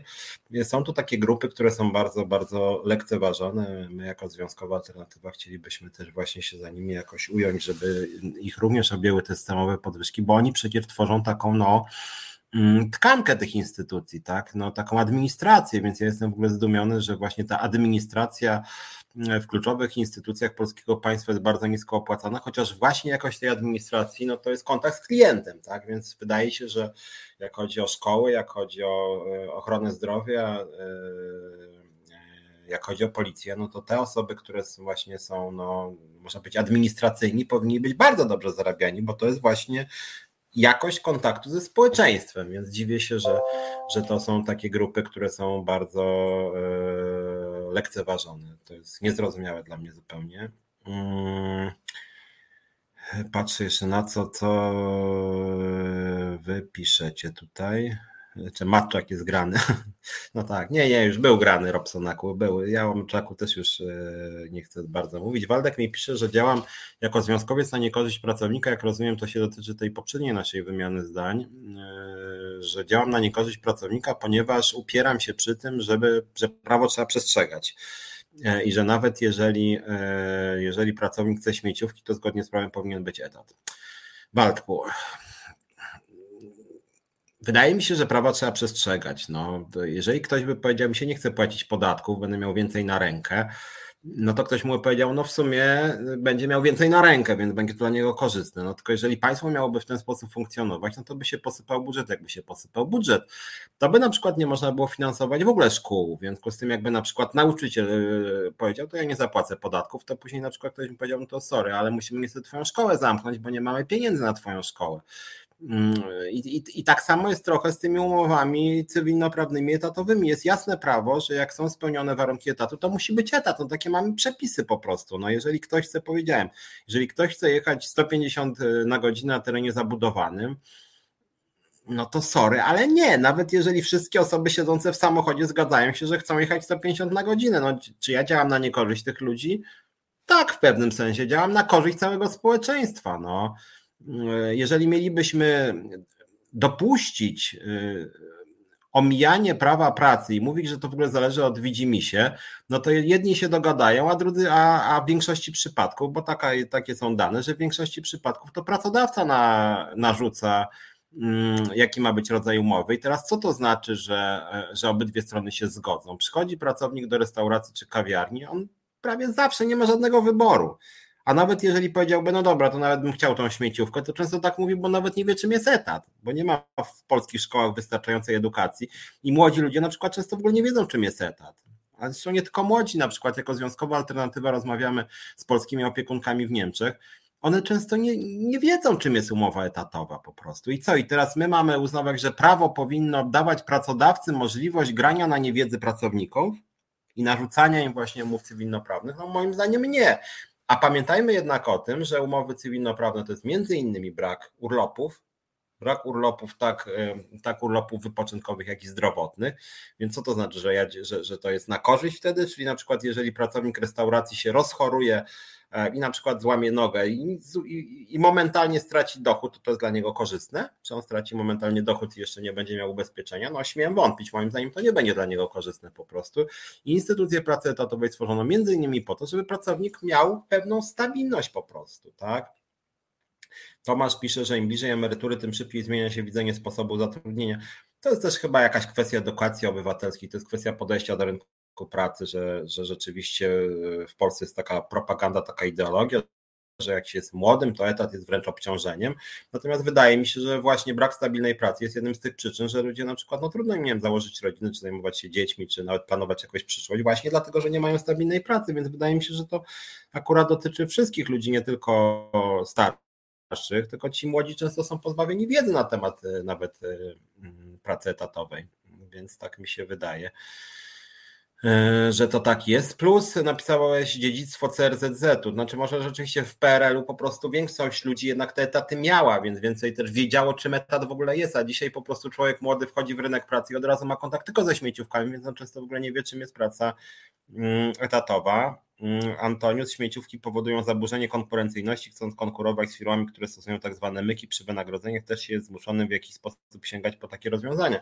Tak, i właśnie dlatego powiedziałem, bardzo ważna sprawa, która dla wielu dziennikarzy może być mało seksji, a to jest bardzo ważna sprawa, żeby w zamówieniach publicznych był obowiązek etatu, żeby właśnie nie psuć pra prawa, tak, żeby nie, nie psuć prawa pracy, żeby promować etaty.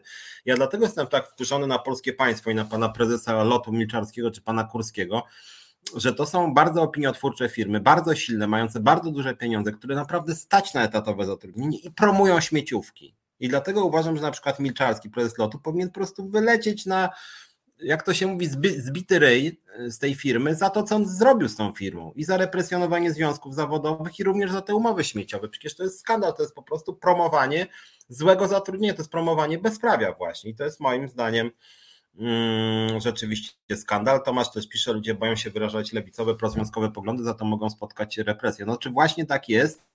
Tak było zawsze, ale teraz się, e, ale teraz się rzeczywiście jeszcze bardziej pogorszyło, dlatego że rzeczywiście PiS walczy ze wszelkimi niewygodnymi związkami zawodowymi. Wszędzie, gdzie my jako związkowa alternatywa działamy, to e, jak chodzi o instytucje publiczne, spółki Skarbu Państwa, patrzą na nas co najmniej podejrzliwie. Chociaż mówi się o dialogu. Ten dialog to w ogóle jest odmieniany przez wszystkie przypadki. A jak to do czego przychodzi, to jakoś rozmawiać z nami nie chcą, wolą z nami walczyć. No i tak to niestety wygląda. Akurat pan prezes Milczarski, którego już parę razy wymieniłem, jest świetnym tego przykładem. Z tym człowiekiem się po prostu rozmawiać nie da. Bo jak wystawiasz rękę, to on ci daje kopa w brzuch. No tak wygląda dialog z nim generalnie rzecz biorąc, tak? Waldek pisze, że, roszczeń, że bywa tak, że roszczeniowy związek bywa grabarzem swojego zakładu pracy. Powiem Ci, Waldek, tak. Oczywiście można sobie wyobrazić, tak, że na przykład, nie wiem, zakład pracy jest w bardzo złej kondycji i pracownicy domagają się podwyżek płac o 100%. Biedny pracodawca boi się tego związku zawodowego i mówi: Dobra, to dam Wam 100%, ale później może zbankrutuje. No i pracodawca płacze, pracownicy dostają 100% podwyżki, a później zakład upada. Tylko problem polega na tym, że to jest bajeczka. Dlatego, że 99,99999% przypadków wygląda tak, że pracodawca narzuca warunki pracy i płacy. Jak związki działają odważnie, to zazwyczaj zwalnia niewygodnych liderów, E, w momencie, kiedy firma przynosi zyski, to zazwyczaj pracodawca zyski wykorzystuje częściowo na politykę inwestycyjną, a część bierze sobie do kieszeni, czy wypłaca duże pieniądze swoim współpracownikom, a pracownikom daje bardzo niskie podwyżki. E, no i niestety to jest ta codzienność. To jest ta codzienność. Ja ci mogę długo wymienić przykłady e, sytuacji, w których firmy mają gigantyczne zyski i podwyżki dla pracowników są śladowe albo nie ma ich w ogóle. Mogę ci długo wymienić przypadki firm, w którym firmy przynoszą straty, straty i e, są bardzo duże obniżki płac dla pracowników, a radykalnie podwyżki dla kadry zarządzającej. To są najczęstsze przypadki na rynku pracy, więc, więc może i bywa, że roszczeniowy związek bywa jakimś grabarzem, ale zazwyczaj to pracodawcy szkodzą pracownikom, a nie związki komukolwiek, tak? W polskim systemie prawnym w ogóle związki są tą słabszą stroną, w ogóle pracownicy są tą słabszą stroną i związki są właśnie po to, żeby tą nierównowagę między pracownikiem i pracodawcą trochę ograniczyć, tak? No a poza tym chciałoby się powiedzieć, ja to czasem nie rozumiem, jak, jak osoby o liberalnych poglądach krytykują związki zawodowe. No przecież generalnie rzecz biorąc, mm, środowiska liberalne i tym bardziej libertariańskie uważają, że wszyscy walczymy o swoje interesy jakoś tam, tak? I nawet bronią tej przedsiębiorczości, kreatywności. No to pracodawcy walczą o zysk. No ich prawo oczywiście, no tak, ale pracownicy walczą o swój zysk. To jest też ich prawo. Związki zawodowe są oddolnymi organizacjami pracowników, które służą temu, żeby pracownicy więcej zarabiali, tak, żeby większą część tego zysku przedsiębiorstwa dostawali no, z owoców swojej własnej pracy. Więc ja trochę nie rozumiem, dlaczego środowiska liberalne, ale okej, okay, możemy się nie zgadzać, krytykują państwo, chcą, żeby było mniej państwa w gospodarce, ale akurat związki zawodowe są oddolnymi organizacjami ludzi, którzy się organizują. W związku z tym w związku z tym nie rozumiem trochę, dlaczego właśnie środowiska liberalne krytykują akurat związki zawodowe. Powinny one bronić związków zawodowych jako oddolnych organizacji właśnie ludzi pracy, którzy walczą po prostu o swoje, tak, o godne zarobki, o swoje interesy. Więc ja myślę, że to jest dosyć naturalne w tym wypadku, tak. Mm, sztandarowym związkiem jest NSZ Górników, ale dodatkowo dają kasę z państwa. Znaczy ja kiedyś się wypowiadałem już na temat związków górniczych, mam pewien problem z tym, e, z tymi związkami w górnictwie OPZZ-u i Solidarności. Tam było bardzo dużo nieprawidłowości. Wyszło na przykład to, że oni w ogóle mieli jakieś własne spółki i zatrudniali śmieciowo, więc to jest niestety ten wizerunek związków e, nie za fajny. Mm, natomiast właśnie dlatego, że tak się dzieje, to jako lider Związkowej Alternatywy od wielu miesięcy mówię, jestem za jawnością płacy, ja nie mam nic do ukrycia. Jestem za jawnością e, majątków i dochodów związku zawodowego, związków zawodowych wszystkich i organizacji pracodawców, i kościołów, i fundacji. I nie mam absolutnie nic do ukrycia. I dobrze byłoby dla nas jako społeczeństwa, żeby rzeczywiście taka ustawa o jawności życia społecznego weszła, jak mówię. Ja mówię, że nie mamy nic do ukrycia i uważam, że to by bardzo też przyczyniło się do wzrostu zaufania do związków zawodowych, tak? Gdyby po prostu ludzie widzieli, jak, jak te związki funkcjonują. Być może część z nich by się posypała, być może by wyszło trochę skandali, że na przykład pan Piotr Duda, czy pan Andrzej Radzikowski z OPZZ-u, czy Piotr Ostrowski, czy jakiś inny, e, inny e, kombinator związkowy, bo to bym powiedział, że to nie są związkowcy, tylko jacyś tam kombinatorzy związkowi, że oni zarabiają jakieś full kasy i nic nie robią, no ale właśnie o to chodzi, że żeby, e, i taki był też cel związkowej alternatywy, żeby odnowić ten ruch związkowy, bo intencja związków zawodowych jest moim zdaniem bardzo mm, dobra, no, bardzo potrzebna. Tak? To jest obrona interesów pracowniczych. Pracownicy są stroną słabszą i potrzebują swojej reprezentacji. No i my jako związkowa alternatywa taką reprezentację staramy się pracownikom dać i przede wszystkim ich po prostu ich e, zorganizować. E, Magdalena Mikołajczak pisze, że na szkodę lokalnych społeczności, bo samorząd lokalny ma lepiej rozpoznane potrzeby mieszkańców niż szczebel centralny. Rozumiem, że odnosi się Magdalena do tej naszej wcześniejszej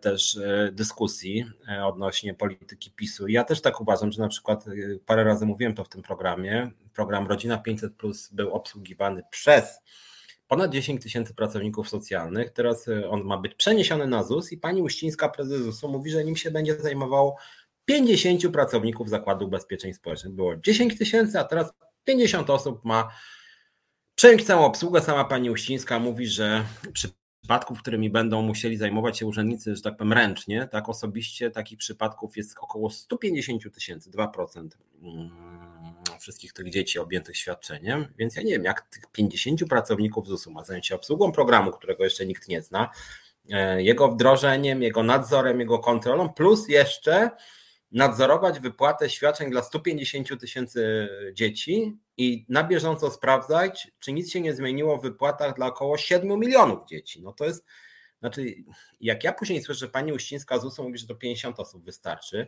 i ona nie chce zatrudniać nowych pracowników, no to trudno się dziwić, że mm, sypie nam się jakość właśnie instytucji publicznych, sypie nam się jakość ZUS-u i że generalnie to państwo w ogóle źle funkcjonuje. Jeżeli takie jest podejście osób decyzyjnych, moim zdaniem to jest po prostu szokujące dosyć, tak?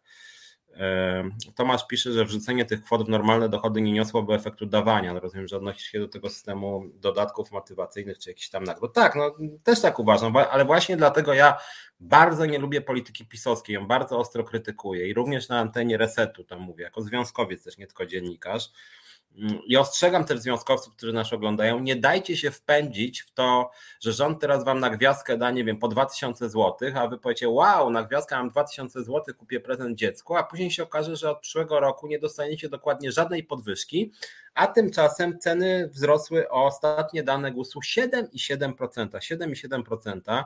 Słyszałem niedawno, jak to ten rząd podnosi płacę minimalną, a tymczasem na przyszły rok płaca minimalna ma wzrosnąć, jeśli dobrze pamiętam, 7%. 7% przy inflacji 7,7, czyli już jeżeli to się utrzyma, to będziemy mieli do czynienia i mamy teraz już do czynienia z realną obniżką płacy minimalnej i siły nabywczej. Tak? Jeżeli ktoś dzisiaj zarabia płacę minimalną, tak, 2800 zł brutto, a pracowników, którzy zarabiają co najwyżej płacę minimalną od, e, od lat jest coraz więcej, to 2800 e, zł rok temu było o prawie 8% y, więcej warte niż 2800 brutto dzisiaj, tak?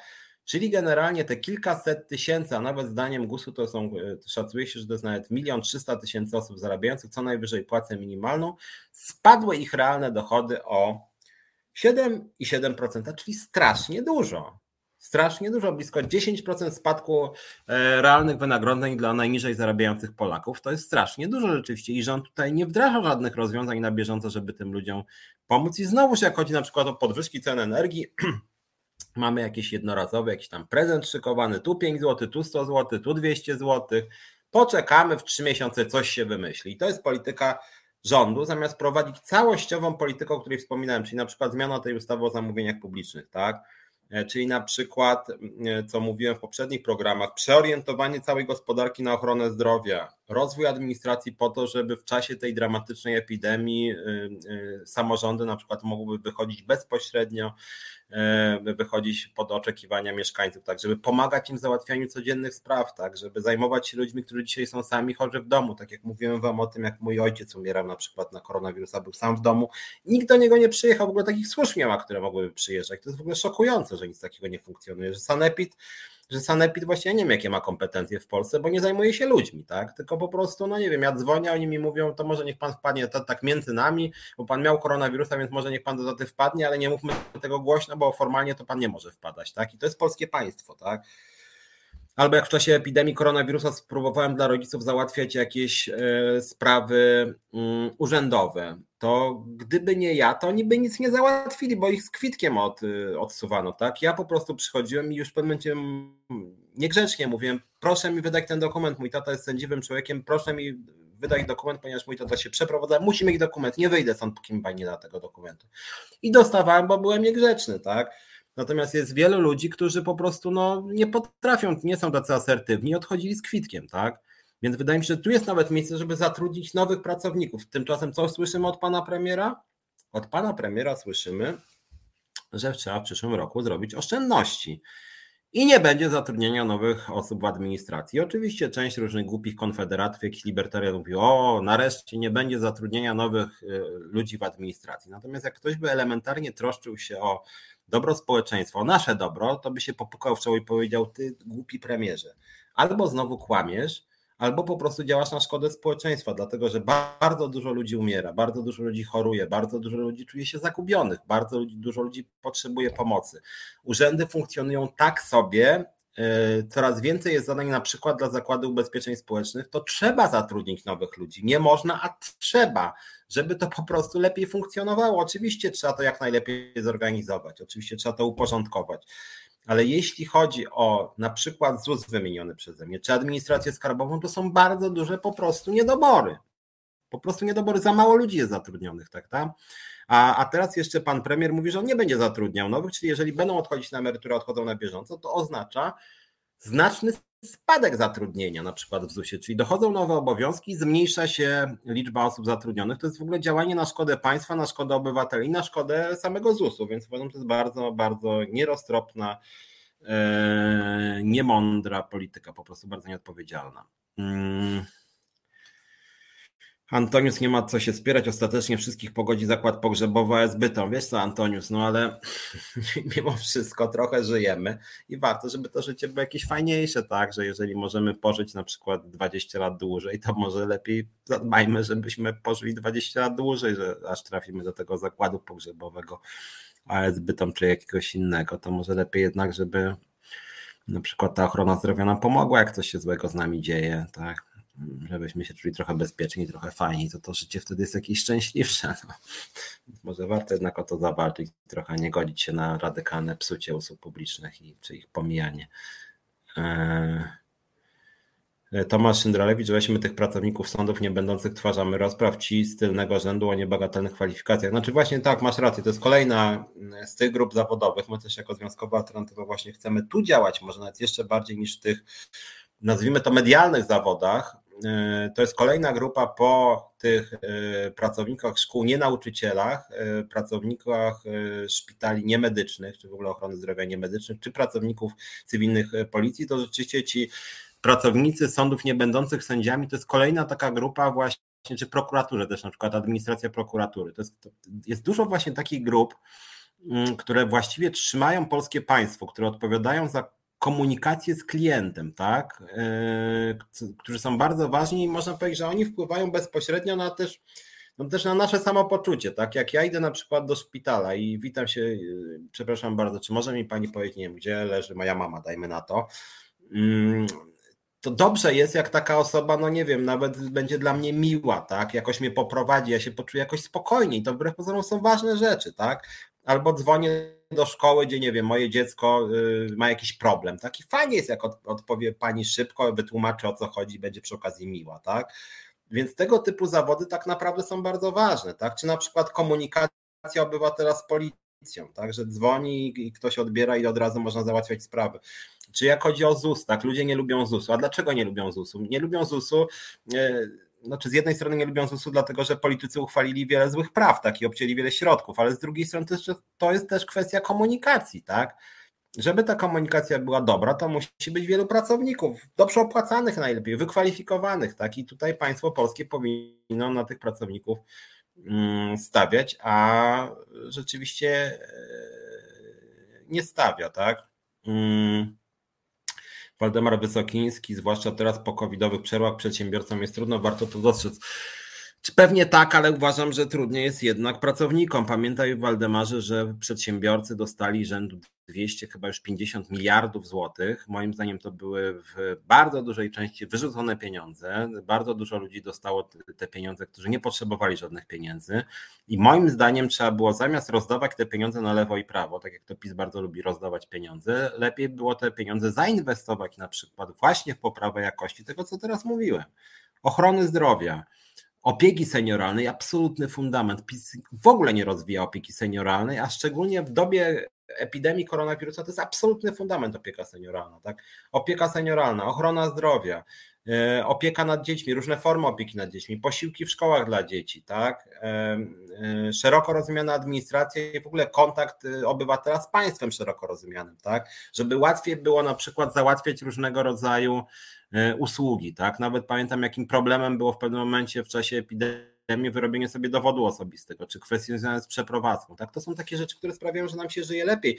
I moim zdaniem trzeba było władować właśnie w to wiele pieniędzy, żeby usprawnić funkcjonowanie państwa w związku z koronawirusem, uruchomić to, co też mówiłem, E, na dużą skalę e, inwestycje publiczne i też zaangażować podmioty prywatne. Natomiast to, co polskie państwo zrobiło, to władowało 250 miliardów złotych, z czego co najmniej połowa, moim zdaniem, to były wyrzucone pieniądze, bo to były jakieś takie kroplówki dla firm, z których duża część w ogóle i tak poupadała, więc te właściwie przedłużono jakieś e, cierpienia, że tak powiem, a firmy i tak zbankrutowały. Tak? W związku z tym uważam, że duża część tych środków była po prostu wyrzucona. Robsonak 222 spotkałem się z tym, że ludzie byli przekonani o podpisaniu umowy o pracę, ponieważ wypisywali papiery, dane osobowe, badania, podpisy, umowy zlecenia, ale dla nich to umowa o pracę, brak edukacji. Dokładnie tak. Myśmy zrobili takie badanie właśnie na dużej próbie tam 200 prawie opiekunek polskich w Niemczech i tam zadawaliśmy różne pytania. Generalnie jest tak, że rzeczywiście często pracownicy nie wiedzą, jaką umowę podpisują. Tak? Było, nawet, było nawet jakieś badanie e, niemieckich, niemieckie badanie na polskich opiekunkach i w tym badaniu chyba wyszło, że 90% deklarowało, że ma umowę o pracę. Tak? I to moim zdaniem był błąd metodologiczny, bo prawie żadna polska opiekunka nie ma umowy o pracę. Zdecydowana mniejszość. A im to wyszło, pewnie spytali, czy ma pani umowę o pracę? Ona, aha, umowę o pracę, czyli podpisała umowę o jakąś pracę, tak? I ona nie wiedziała, że chodzi o etat. W związku z tym też moim zdaniem są bardzo duże niedobory, jak chodzi o y, edukację obywatelską, edukację rynku pracy. To jest też kwestia szkolnictwa. Ja swego czasu walczyłem o to, żeby właśnie był y, w szkołach odrębny przedmiot wiedza o rynku pracy i polityce społecznej. To jest moim zdaniem znacznie bardziej potrzebne niż podstawy przedsiębiorczości. Troszkę się te podstawy przedsiębiorczości zmieniły w ostatnich latach i są tam elementy rynku pracy, ale ich jest naprawdę bardzo mało. Moim zdaniem powinno być odwrotnie. Mniej o przedsiębiorczości, a więcej o rynku pracy, bo pracownikami jesteśmy prawie wszyscy, więc uważam, że to że to rzeczywiście powinno być e, kluczowe. Mm. E, Guitar Jam Session przyzwyczailiśmy się do stwierdzenia, że większa płaca dla pracownika oznacza stratę dla firmy, tymczasem jest zupełnie odwrotnie. To znaczy też mi się tak wydaje, że pracownik dobrze opłacany, pracownik szanowany, lepiej pracuje, czuje się bardziej pewny siebie, bardziej dowartościowany, jest bardziej przywiązany do firmy. E, ja między innymi dlatego jestem zwolennikiem, jak wiecie, jawności płac. Uważam, że to byłoby dobre rozwiązanie, żeby ludzie wiedzieli, ile zarabiają i żeby wprowadzić na przykład widełki między najniższymi i najwyższymi wynagrodzeniami swego czasu proponowałem. 1 do 8, czyli tak duże nierówności, tak? Czyli jeżeli e, szef zarabia 40 tysięcy miesięcznie, to najgorzej opłacana osoba w firmie musiałaby zarabiać co najmniej 5 tysięcy. Jeżeli szef by sobie podniósł do 60, no to 60 na 8 e, to jest 7,5, tak? E, jeżeli by szef sobie obniżył, to wtedy mógłby ewentualnie obniżyć pracownikom, ale oni by to wtedy zrozumieli, tak? Natomiast w locie była sytuacja, że pan Milczarski cały czas zarabiał rzędu 100 tysięcy miesięcznie i figę z makiem sobie obniżył, obniżył pracownikom, tak? I dlatego pracownicy byli tacy mm, zirytowani, tak, że, że, że zarządy firmy, a to nawet były ostatnio dane dotyczące kosztów zarządu PLL, to one nawet wzrosły w czasie, tym dramatycznym czasie epidemii, tak, więc wcale nie spadły. E, no więc to tym bardziej bulwersujące. E, Tomasz Indralewicz, nieufność wobec związków jest pokłosiem początków transformacji, kiedy forsowała się przedsiębiorczość. Znaczy na pewno związki mm, nawaliły na początku transformacji, dały zielone światło planowi Balcerowicza, ale też dzisiaj jest tak i my jako związkowa alternatywa mamy z tym problem, że OPZZ i Solidarność to są duże molochy, które de facto, jak chodzi o centralę, mówię, a nie związki wszystkie na dole, jak chodzi o centralę dla pracowników, nie robią praktycznie nic, wręcz często im szkodzą, a same u siebie często prowadzą politykę jakąś niezbyt propracowniczą. Mm, no i rzeczywiście uważam, że ta nieufność wobec nich jest uzasadniona i trudno rzeczywiście się przebić, ponieważ Solidarność i OPZ robią centralnie bardzo dużo złej roboty, no ale robimy co możemy. Tak? Naszym zdaniem takim remedium na ten zły wizerunek związków zawodowych jest właśnie kwestie związane z jawnością płac, transparentnością funkcjonowania, z jawnością majątków związków zawodowych. E, uważam, że to jest dobry pomysł. E, Magdalena pisze, to odnośnie nowego ładu te uwagi, e, jak chodzi o samorządów. No tak, ja się zgadzam, że o tym mówiłem też właśnie, że cios w samorząd jest bardzo, bardzo niebezpieczny dla funkcjonowania państwa. E, Katarzyna Zaręba-Niedźwiecka pisze, że minus 10 w Upsali zamarza słucha co z prawem pracy, dużo ostatnio o zwalnianych związkowcach. No właśnie, no w Polsce to jest i dlatego zaproponowaliśmy, żeby zmienić e, kodeks pracy tak, aby ochrona związkowa obowiązywała do wyroku sądu, że pracodawca nie mógłby zwolnić chronionego związkowca, tylko dopiero wyrok sądu mógłby go zwolnić. To by urealniło rzeczywiście ochronę związkową z osobistego doświadczenia ProAns.pl nigdy nie pracuję dla Polaka ani u Polaka. I niestety prawda jest taka i to pokazują dane GUS-u, że w, w spółkach, w firmach z udziałem kapitału zagranicznego wynagrodzenia są o wiele wyższe niż w firmach z udziałem polskiego kapitału wyłącznie, to są nawet różnice rzędu 70%, więc prawda jest taka, że rzeczywiście kapitał zagraniczny o wiele, wiele, wiele lepiej traktuje pracowników niż kapitał polski. Ja to zawsze powtarzam, dlatego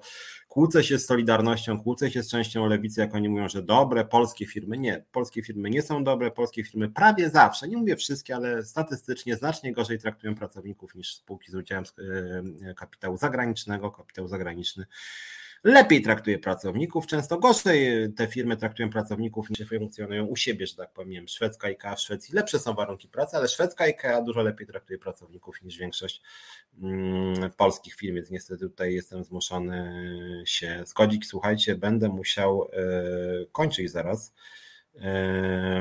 Lisa ma pretensje do mediów, że nie ma miejsca na takie merytoryczne, ważne rozmowy, zamiast zaprosić Szymlewicza, który by chociaż przez 15 minut opowiedział o tym, że ludzie mają prawa i że mogą o nie walczyć, co warto by zmienić oraz jak to wolą zaprosić polityków nawalających się nawzajem. W pełni słuchajcie, się zgadzam, dlatego jako związkowiec muszę zaraz kończyć, dlatego zastanawiam się nad tym, w jaki sposób by dotrzeć jakoś szerzej do opinii publicznej, jako związkowa alternatywa. Myślimy nawet na temat jakichś kampanii, jakichś filmików, jakichś akcji, jak wiecie, wykupiliśmy E, billboardy, robiliśmy zbiórki. Jak chcecie pomóc naszym zbiórkom, to cały czas na stronie Związkowej Alternatywy czy na moim profilu znajdziecie. E, ale chcemy też rzeczywiście robić różne nagrania, właśnie filmy, kampanie, może jakąś kampanię społeczną zrobimy.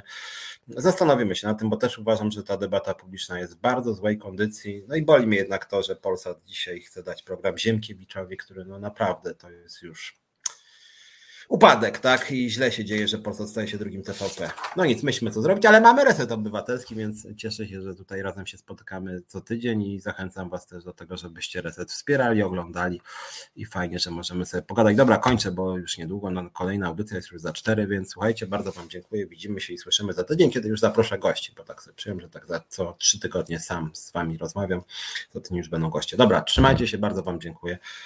I na razie za tydzień się widzimy, a w piątek z Żaniakiem o 21. Na razie.